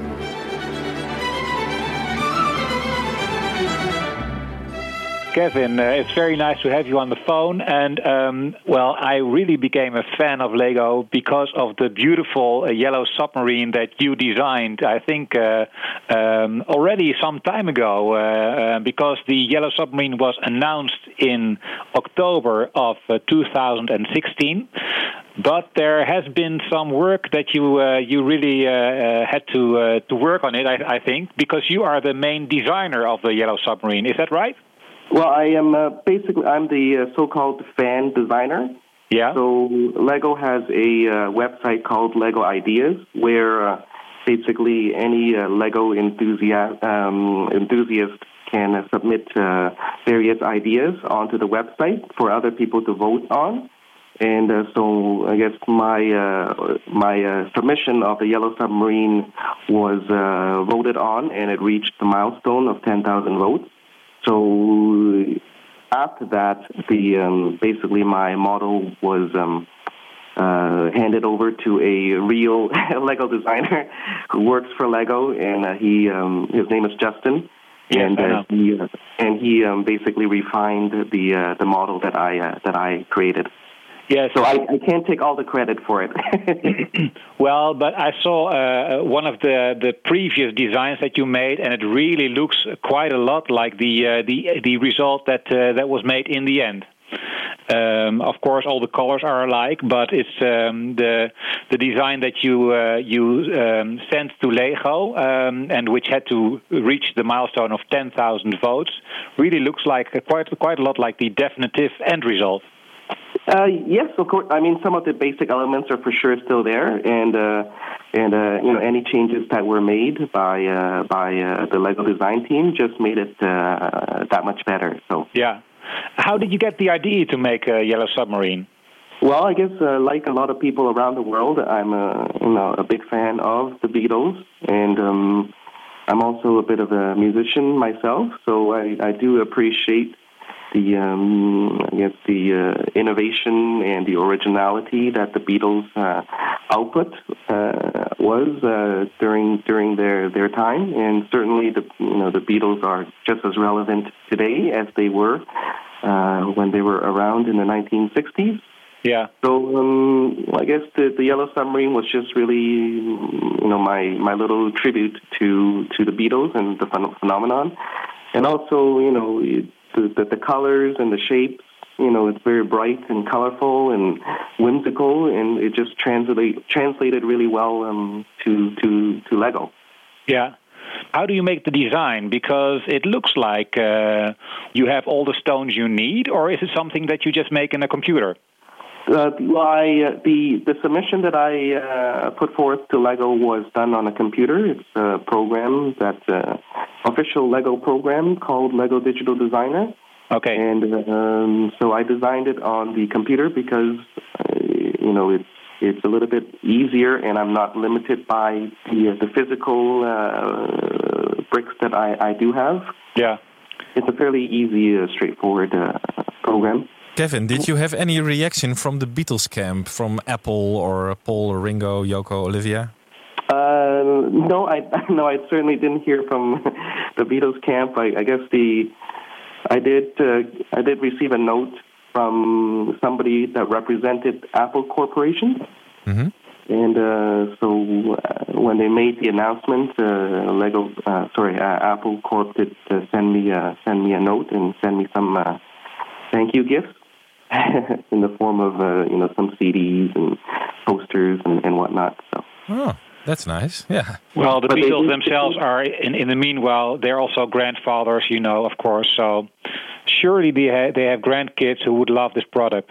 Um, what reactions did you get from the, uh, the Lego community so far? You mean sin, uh, since it's been released?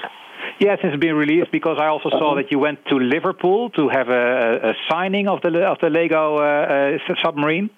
That's correct. Yeah. So um, uh, Lego had invited me to um, Liverpool, the Lego store in Liverpool, uh, on the uh, on the first day of the launch, and um, it was a, certainly a very overwhelming uh, experience because there was uh, a big lineup.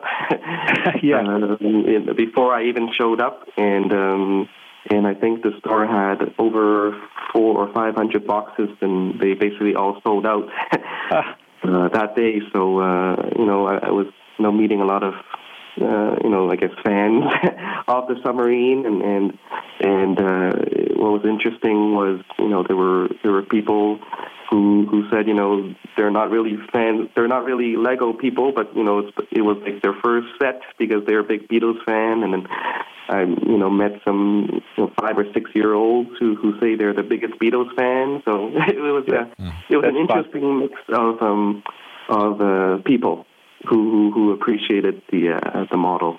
Yeah. And uh, do you make any money of it? Uh, yeah, so le- like the, the Lego does offer a, a small royalty um, for successful projects. So yeah, so you get a small percentage of every box that's sold. I get a small percentage. That's correct. Okay, well that's uh, that's interesting, I guess, from a financial point of view. Uh, Well, thanks a lot for this interview, and I just want to stress once again that you made something that uh, really makes a lot of Beatles fans uh, very happy. Oh, you're very welcome, and, and I'm really happy. to, I'm really happy to see it come to life as well. So. Okay. Okay. And uh, what what is your favorite Beatles song? Uh, my favorite Beatles song, I would have to pick something by John Lennon because he's my favorite Beatle. Um, I think my favorite Beatles song would be "Strawberry Fields Forever." Wow. Okay. Thank hey, you, thanks Kevin. a lot. Thank you very much. Apple, luister je mee? Ja, dat Ja. is toch. Ja, jullie Mooi kinderen hebben concept. er al één? Ja, nou nee, wij hebben er één toch, Michiel? Ja, wij hebben er één. Ja. Ja. Ja. Mijn, mijn zoontje mag eh, alleen onder begeleiding van mij mee spelen.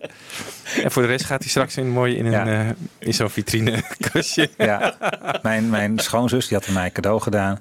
Die zag mij op een gegeven moment in een hoekje bij de kerstboom een beetje, een beetje knuffelen met die, met die submarine. Ja, dat is een beetje gênant, maar ik vind het gewoon echt een heel erg mooi product. Ja, het ziet er heel mooi uit. Ja, Ja, ja, ja, beslist. Maar goed, even over Apple. Dus, dus dat is nou wel echt een manier eh, waarop, je, waarop je Beatles producten, naar mijn idee, misschien wat vaker in de markt moet zetten. Gewoon Ja. luisteren naar wat de fans, eh, waar Ja. de fans echt op zitten Ja. te wachten. Voor Jeff Jones. Ja, oké. Nou, El Brodex dus. Hij heeft, eh, ik heb een quoteje van hem gevonden waarin hij wat vertelt over de, de stemmen voor eh, de film. Weet je wel, die eh, eigenlijk door de Beatles gedaan hadden moeten worden. Maar goed, die hadden er geen zin in. Nee. Terwijl George zich in Anthology afvraagt... I never understood why we didn't Ja. do our own voices. Maar goed, je had er geen zin in, George, ten tijde van 1968. Maar goed, eh, het quoteje. The Beatles had a three-picture uh, deal. This is sort of a uh, back of the scenes uh, happening with UA. They didn't want to do three pictures. They were on their India orientation, wanted to go to India. So I did arrange for them to to meet with me and talked them into the fact that they didn't have to do a thing. I'd do it all. All I had to do was sign a piece of paper, and, and uh, we actually got uh, four voices from Liverpool, four Liverpudlians. Did you audition in Liverpool? Oh yeah, we auditioned in Liverpool. We we auditioned for several weeks till we got the voices. But uh, very few people know that we really didn't use the Beatles. You just burst my balloon. My Beetle balloon is burst. Die interviewer weet niet wat hij hoort. Waren dat niet de stemmen van de Beatles? Ja. God, de kerel wist ook niet eh, wat hij hoorde. Dan een hele bijzondere. Ja, een dag later, 25 november. Eindelijk gaat Fidel Castro dood. Denk je, Fidel Castro, wat heeft dat met de Beatles te maken? Ja, ook hier weer. Hè? Dus als je gaat googlen, dan kom je veel tegen. Ehm, in 1964 heeft hij eh, de, een absoluut verbod op Cuba uitgevaardigd op eh, Beatles muziek. Nou, twee jaar later heeft hij die ban alweer wel weer opgeheven. Maar de gedachte was van ja, het is eigenlijk gewoon Amerikaanse kapitalisme. Hij wist, wist hij veel waar ze vandaan kwamen. Maar in ieder geval was het gewoon ja, popmuziek. Dat moet je gewoon echt niet hebben. Ehm, echt een voorbeeld van een Amerikaanse uitwassen die, waar, waar ze Cuba niet mee willen vergiftigen. Ehm, maar rond 2000 heeft hij dat toch helemaal weer teruggehaald. En uh, althans, hij is daarop teruggekomen. En is er dus zelfs in Havana een bank, bank een bank waar Lennon op zit. Ja. Zo'n mooie foto van George Martin met Lennon op diezelfde bank. Hè. Oh ja. Ehm, Ja. Beeld ziet er een beetje raar uit, lijkt niet helemaal wat mij betreft. Maar toch opvallend dat Castro dat dan opeens toestaat. En ja, hij heeft er ook een verhaal bij bedacht. Hij dacht namelijk van, wacht eens even, die Lennon, die met zijn grote idealen, een dromer. Hij dacht, het is een dromer. Ja, dat ben ik ook, met, mijn, met, met wat ik wil voor Cuba. Dus hij zag eigenlijk wel, eh, ja, de idealen waar hij voor vocht als, eh, als communist op Cuba, die zag hij wel bij Lennon terug. En hij zei eigenlijk van, eh, ja, dat met name het verheffen van de arbeidersklasse en de working class hero, waar Lennon natuurlijk ook over heeft gezongen. Ik weet niet of Lennon het nou helemaal zo bedoelde in de zin die, eh, die Castro dat voor ogen had. Maar hij heeft er een soort draai aan gegeven om de Beatles op die manier op Cuba ook weer aanvaardbaar te maken. Ook voor het regime, het politieke regime daar. Oh ja. Dus eh, Ik geloof dat rond die tijd Paul McCartney ook een bezoek heeft gebracht aan Cuba met zijn dochters. Heeft hij ook eh, een, een sigarenfabriek en zo bezocht. En gewoon als toerist. Maar eh, ja, is denk ik ook wel met open armen ontvangen daar. Ja. ja. Ja, en dan komt de meest dodelijke maand, zou je kunnen zeggen. Want we zijn er gewoon nog niet mee klaar. Er moeten nog een paar mensen eh, eh, ja, ehm, onder de zoden. Eh, namelijk eh, om te beginnen Greg Lake eh, van Emerson, Lake en Palmer. Sowieso een beetje tragisch jaar voor die band. Want Keith Emerson pleegt zelfmoord eh, ergens eh, al, ook, ook in 2016. Ja, maart. Ja. Ja. Dus alleen eh, Palmer is nog over. Palmer, de drummer, is nog over. En ehm, Keith Emerson is heel tragisch, omdat hij eh, ja, die kon op een gegeven moment niet meer zijn handen goed gebruiken. En die las dan allemaal negatieve commentaar op zijn pianospel. En dat was eigenlijk gewoon helemaal eh, ja, gewoon van het pad af. Die kon, niet meer, kon zich niet meer verenigen met, met, met de kern van waar die, waar die eigenlijk voor leefde. En nou ja, is, heeft dus zelfmoord gepleegd. Maar Greg Lake ja, overlijdt gewoon aan een hartaanval op 7 december 2016. En hij heeft gespeeld met ehm, de All-Star Band. Met een hele mooie bezetting eigenlijk in 2001. Ook met Chile I achter de drums. Ian Hunter zat er ook bij. Ehm, en daar heeft bijvoorbeeld een Ringo in The Court of the Crimson King gespeeld. Weet je wel, daar had je ook wel eens even bij willen zijn. Ja. Dat eh, Ringo daar op drums eh, zit bij dat nummer. eh. Ja. Ja. Ehm, Ja. Maar aardig is een klein fragmentje wat Greg Lake vaak heeft verteld eh, bij een bepaalde solo-tour over de invloed die de Beatles op hem hadden. It is um, probably the greatest band in the world, and of course it's the Beatles.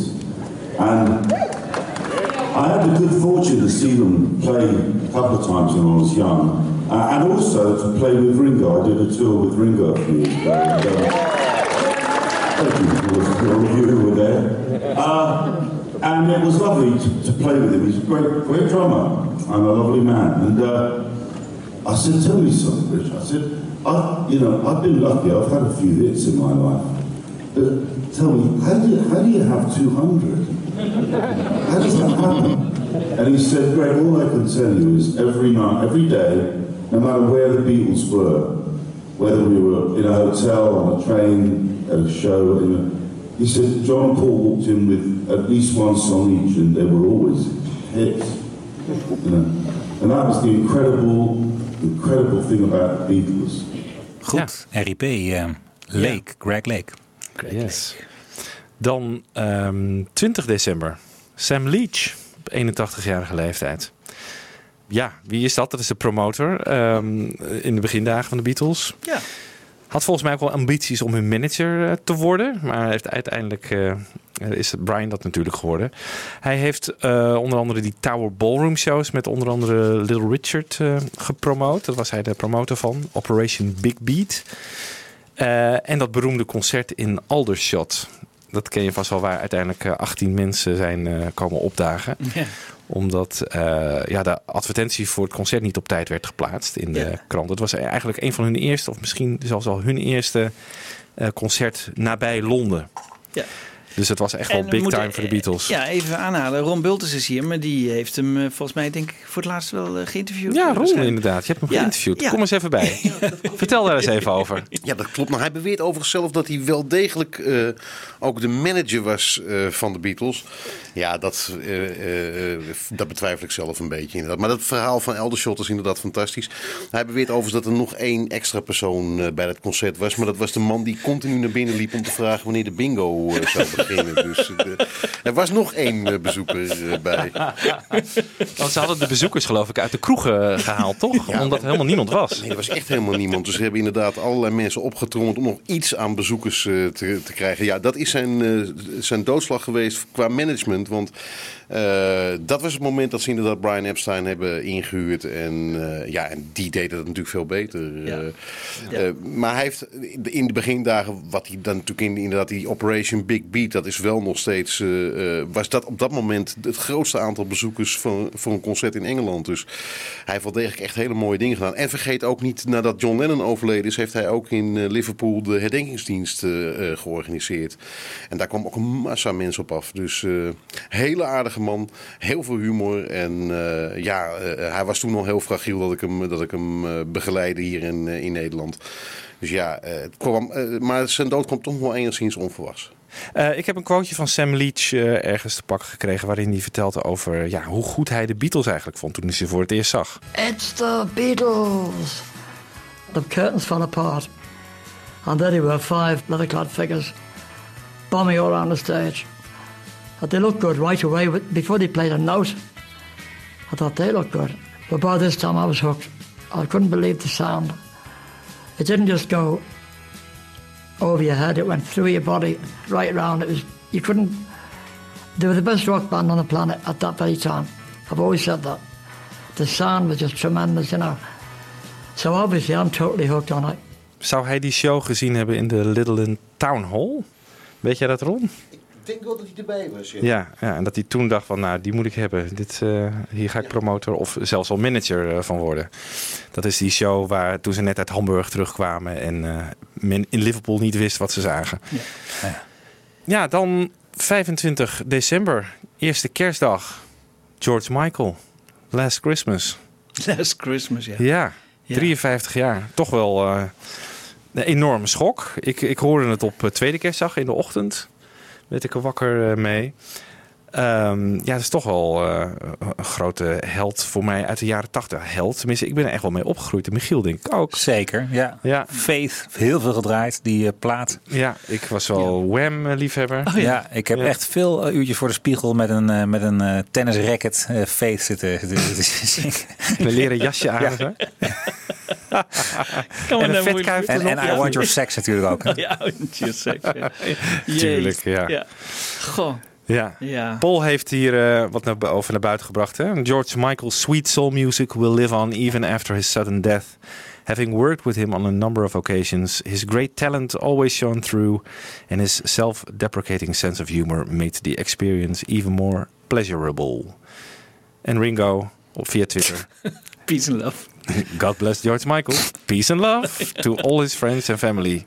En dus met die smiley met een eh, zonnebril erbij. Ja. Het is echt, iemand moet echt even keer. Ja, het kant moet van de echt. DR-afdeling, jongens. Ja, dit, dit. ja, nee, dat en moet. Paul die zo afgewogen Ja, en mooie, ja, warme ja, citaten. ja. Die echt iemand in zijn persoon ook neerzetten. Echt duidelijk over nagedacht. Ja. En je ziet hem gewoon met een pina colada aan, het, aan de strand van aan de rand van het zwembad zitten. Oh, Er is er weer een, eh, ja. Het is niet te geloven. Het is niet te geloven. ja. Nou ja, goed. Het is Hey, bijna maar- nog erger dan Paul McCartney It's a Drag hè, met John Ja. Lennon. Ja. Ja. Ja. dit is wel heel erg. Ja, het is echt heel erg. Het is oké. echt respectloos. Ja. Dit is respectloos, ja. Ja, vind ik ook. Ehm, George Michael en, eh, en de Beatles, de connectie daarvan. Ja, eh, bij mij schoot er binnen dat concert voor Linda. Hè, toen Linda overleden was, Oh ja, is er zo'n eh, tribute-concert geweest voor haar. The Long and Winding Road. Long and Winding Road. Hij heeft ook Eleanor Rigby eh, gedaan. Ehm, Long and Winding Road. Even, even een fragmentje hoe hij dat zong. Don't leave me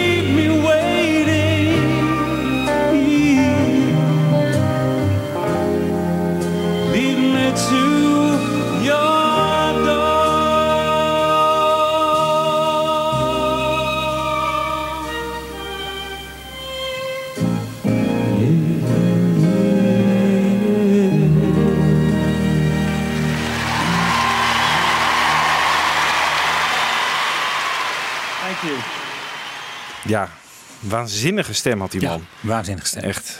Ja, ik vond zijn muziek wat te glad eh, voor mijn smaak. Maar die stem, jongen, jongen, jongen. Een van de allermooiste. Ja. hij heeft ook zo mooi met Queen. eh, hè, Precies.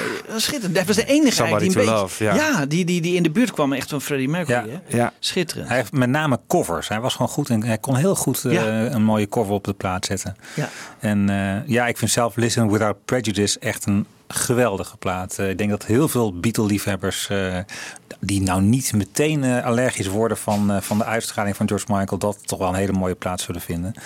En eh, nou, we gaan er zo meteen nog een nummer van draaien, geloof ik. Hè? Ja, klopt. Ja, ja. Heal the Pain. Hè. Dat is dat duet Ja, waar, eh, schitterend, schitterend. waar Paul eh, het over had, over de collaboration. Die hebben samen Heal the Pain, wat overigens op die plaat staat. Hè? Listen Without Prejudice. Ja. En dat is daarna een eh, heropname geweest samen met Paul. Die gaan we straks eh, deze show mee eh Ook een heel. Beatle-achtig nummer. Ja. Ja, want ehm, George Michael heeft gezegd dat Paul daar een beetje de inspiratie voor was. De manier van Ja. hè, het, het, het soort liedje. Dat was echt een McCartney-eske liedje. Ja, Ja. De harmonie die erin zitten. En, eh, Ja. ja. Ja.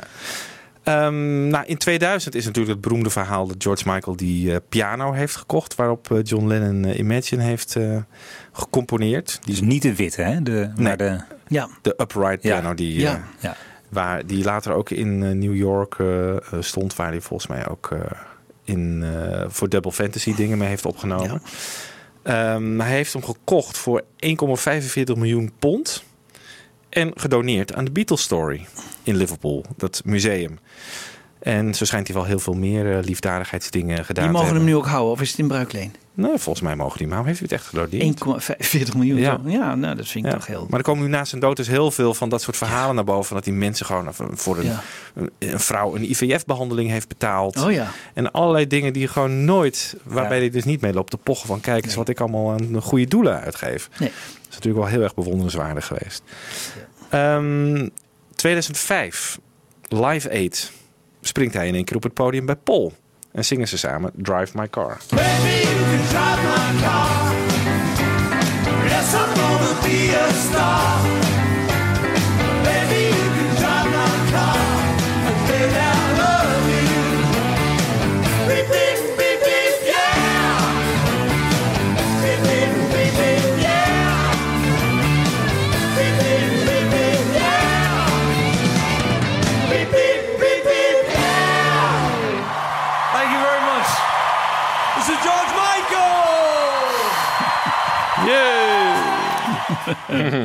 hij is nauwelijks te horen, maar eh, nou, hij stond er toch echt bij. Ja.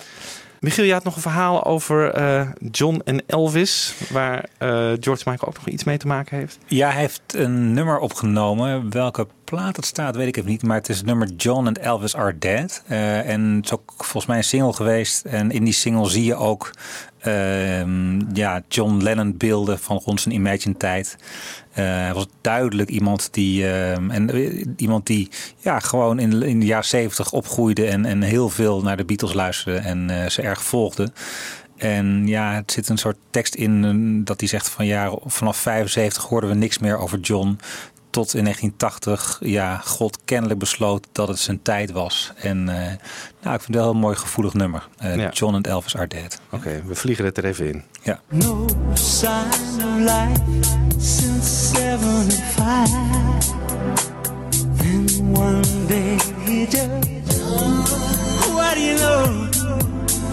I guess I got just a call cause a number. Oké.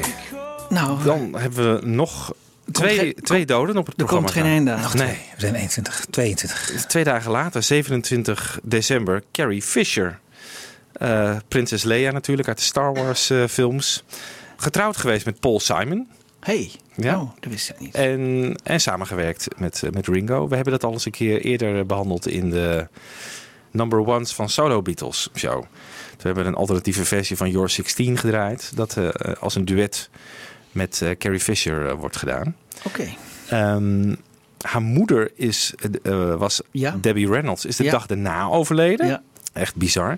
Singing in the Rain. Singing in the Rain. En de moeder van Grace uit de serie Will Oh and. Grace. Ja. Comedy-serie. En wat ik op internet vond is dat haar relatie, dus de relatie van Carrie Fisher met Sean Lennon, de zoon van John en Yoko, nogal intens is geweest. Oh, ja, hebben die een verhouding gehad? Nee, dat niet. Oh. Maar ehm, zij was natuurlijk ook de dochter van een beroemdheid. En Sean natuurlijk ook. Dus zij hebben, eh, zij, hij heeft heel erg veel van haar eh, geleerd. Hij heeft eh, eh, geschreven: You meant more to me than just friend or family. I feel that you were part of me. Hij was ook heel erg ontdaan van de dood van David Bowie. Dat hebben we toen in onze show ook behandeld. Dus voor Sean is het natuurlijk ook wel een behoorlijk pittig jaar geweest. Ik wist niet dat die relatie tussen die twee zo eh, intens was. Maar goed, hey, laten we even een stukje luisteren van die Your 16 versie. Dat duet van Ringo met, eh, met Carrie Fisher. En het komt uit de tv-special Okneer Rats. Dat is Ringo Starr achteruit gespeld. Hoe origineel. Uit 1978 ter promotie van eh, Bad Boy, zijn album. You know I'm crazy about you. No, why? Because you're such a gunk. And you know why I love you? Why? Because you're beautiful and you're mine. Come on like a dream, peaches and cream, lips like strawberry wine. You're 16, you're beautiful and you're mine. You're all ribbons and curls, ooh what a girl, eyes that sparkle and shine. You're 16, you're beautiful and you're mine. You're my baby, you're my pet. We fell in love on the night we met. You touched my hand, my heart went pop. Ooh, when we kissed, I could not stop. You walked out of my dream and into my own. Now you're my angel. Ja, Carrie Fisher, 27 december, 60 jaar geworden. Dan de laatste dode en niet de minste, Michiel. Niet de minste, ja. Zes dagen geleden, op 31 december, overlijdt opeens Alan Williams. Ehm, we hebben het de vorige show over Eight Days a Week hebben we het nog over hem gehad. Ja. Ja. Ehm, toen, Ja, jij moest er nog wel.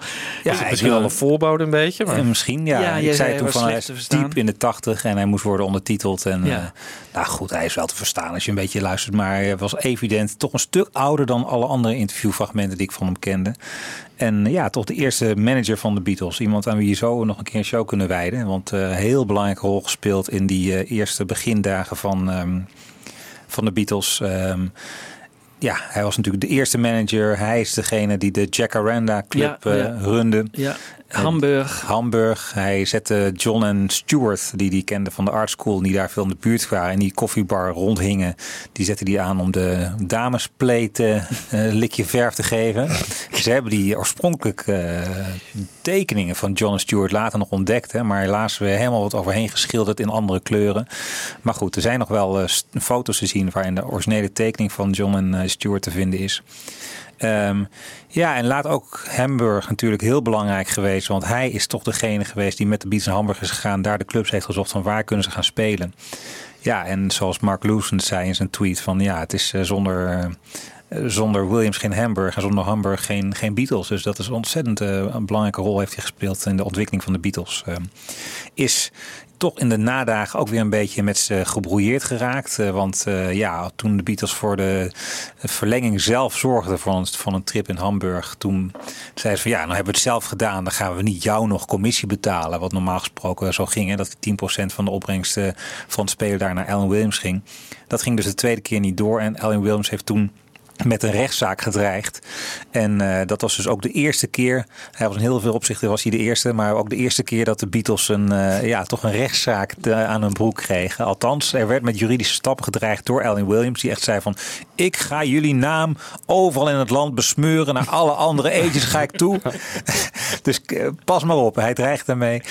Eh, maar de Beatles hebben gewoon zelf een advocaat ingeschakeld. Die een hele ja, gewoon stevige brief terugschreef. Ze hebben- zijn helemaal nergens toe verplicht. En eh, uiteindelijk is het ook geen zaak geworden. Maar heeft Alan Williamson zich een beetje teruggetrokken.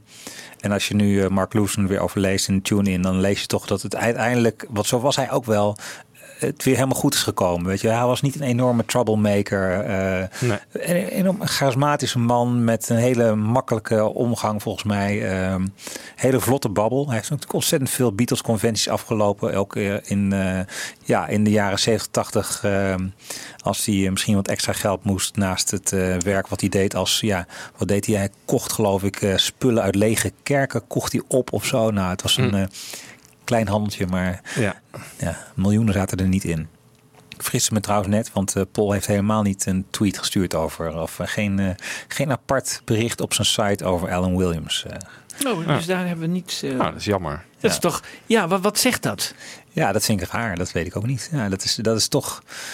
Ja, de, ik geloof dus niet dat Dus dat Bo- heel veel Bobby- zegt. De, de- Bobby V wel en Alan Williams niet? Nou, Bobby V ook niet hoor. Heeft hij Oh. geen statement van naar buiten gebracht. Nee. nee. Dat was Jeff V, hè? Die, die zo niet daarover oké. vertelde. Maar, Oké. ja. Nou, dan is het... Maar goed, dan nog. Ik bedoel, ik, Ik weet niet of het heel veel zegt. Het is niet zo dat ze nou ruzie hadden of zo. Of, eh, hè, dat is echt wel bijgelegd, maar eh, al heel snel hoor. Al vanaf 62 of zo spelen de Beatles gewoon toch weer in de clubs die eh, Alan Williams ook runt.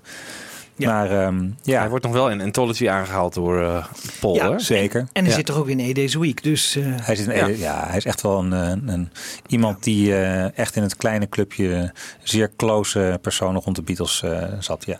Hij heeft natuurlijk ook een boek geschreven, eh, The Man Who Gave the Beatles Away. Wat eh, ik, heb, ik moet nog lezen. Heb jij het gelezen of niet? Nee, ik heb hem al echt twintig jaar in de kast staan of zo. Maar. Nou, ik denk dat het het eerste Beatles-boek wat ik graag eh, wil gaan lezen nu. Want volgens mij, Lennon heeft er hoog over opgegeven. Ja. Zo, Ja. ging het echt Ja. in die dagen. Dus. Ja. En bovendien, het is heel mooi. Het zit toch een soort... Hij, hij is gewoon heel openhartig. Hè? Het- De eerste pagina heb ik al wel even gelezen. En zegt hij van... Denk je dat ik wel spijt heb dat ik de Beatles heb laten gaan? Spijt als haren op mijn hoofd. Elke, elke nacht knarsen tandend. En, eh, weet je wel, het is gewoon iemand die zichzelf niet spaart. En dat, is Ja. wel, dat nemen we wel voor hem in.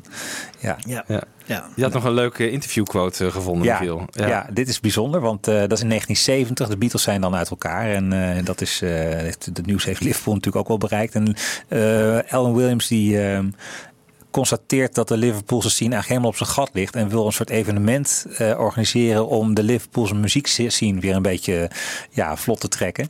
En dus dan is een feestje in, eh, ja, volgens mij wat de Cavern is. Eh, en daar is Alan Williams ook bij. En we zien diezelfde documentaire die op YouTube te vinden is, zie je ook die Frida Kelly nog even kort, die dan op, nog steeds de, de grote leiders van de fanclub.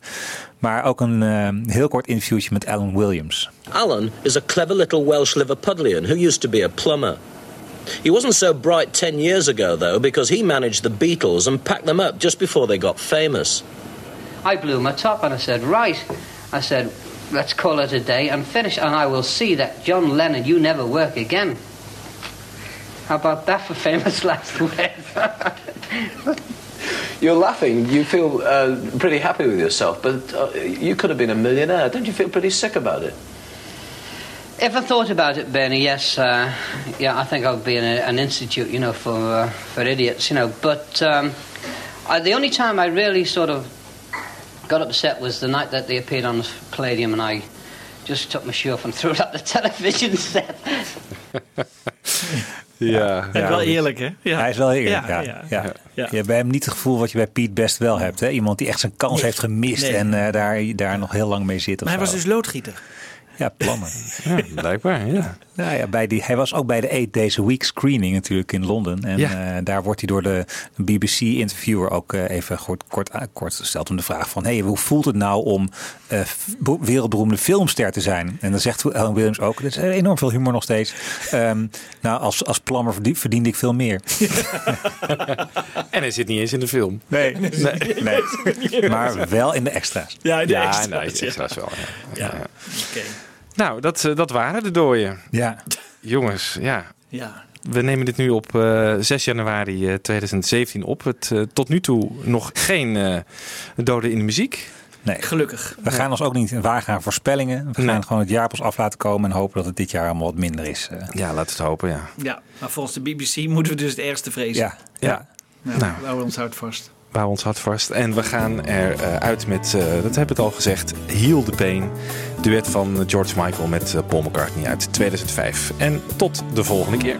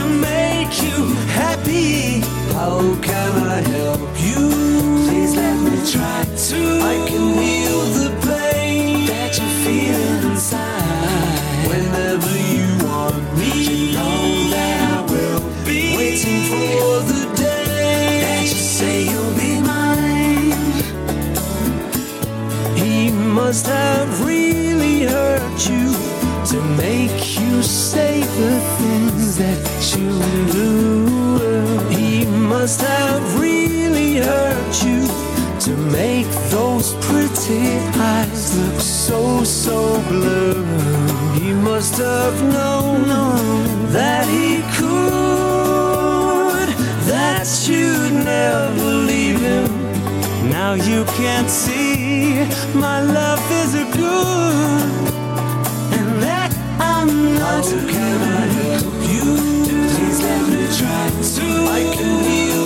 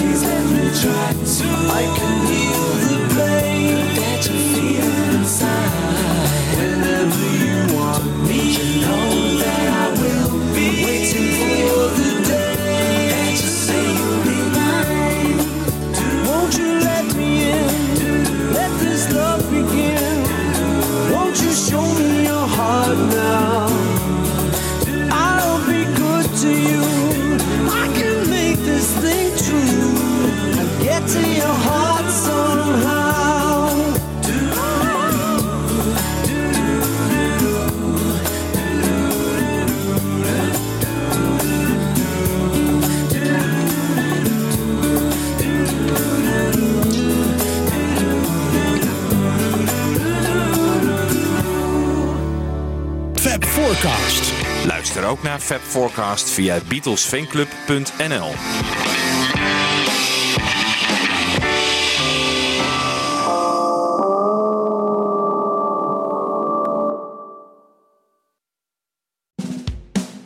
Dit was een podcast van Avro Tros. Wij maken tientallen podcasts per week. Van klassiek tot pop, van actueel tot archief, van reguliere radioshows tot speciaal voor podcast gemaakte programma's. Kijk voor meer podcasts op avrotros.nl.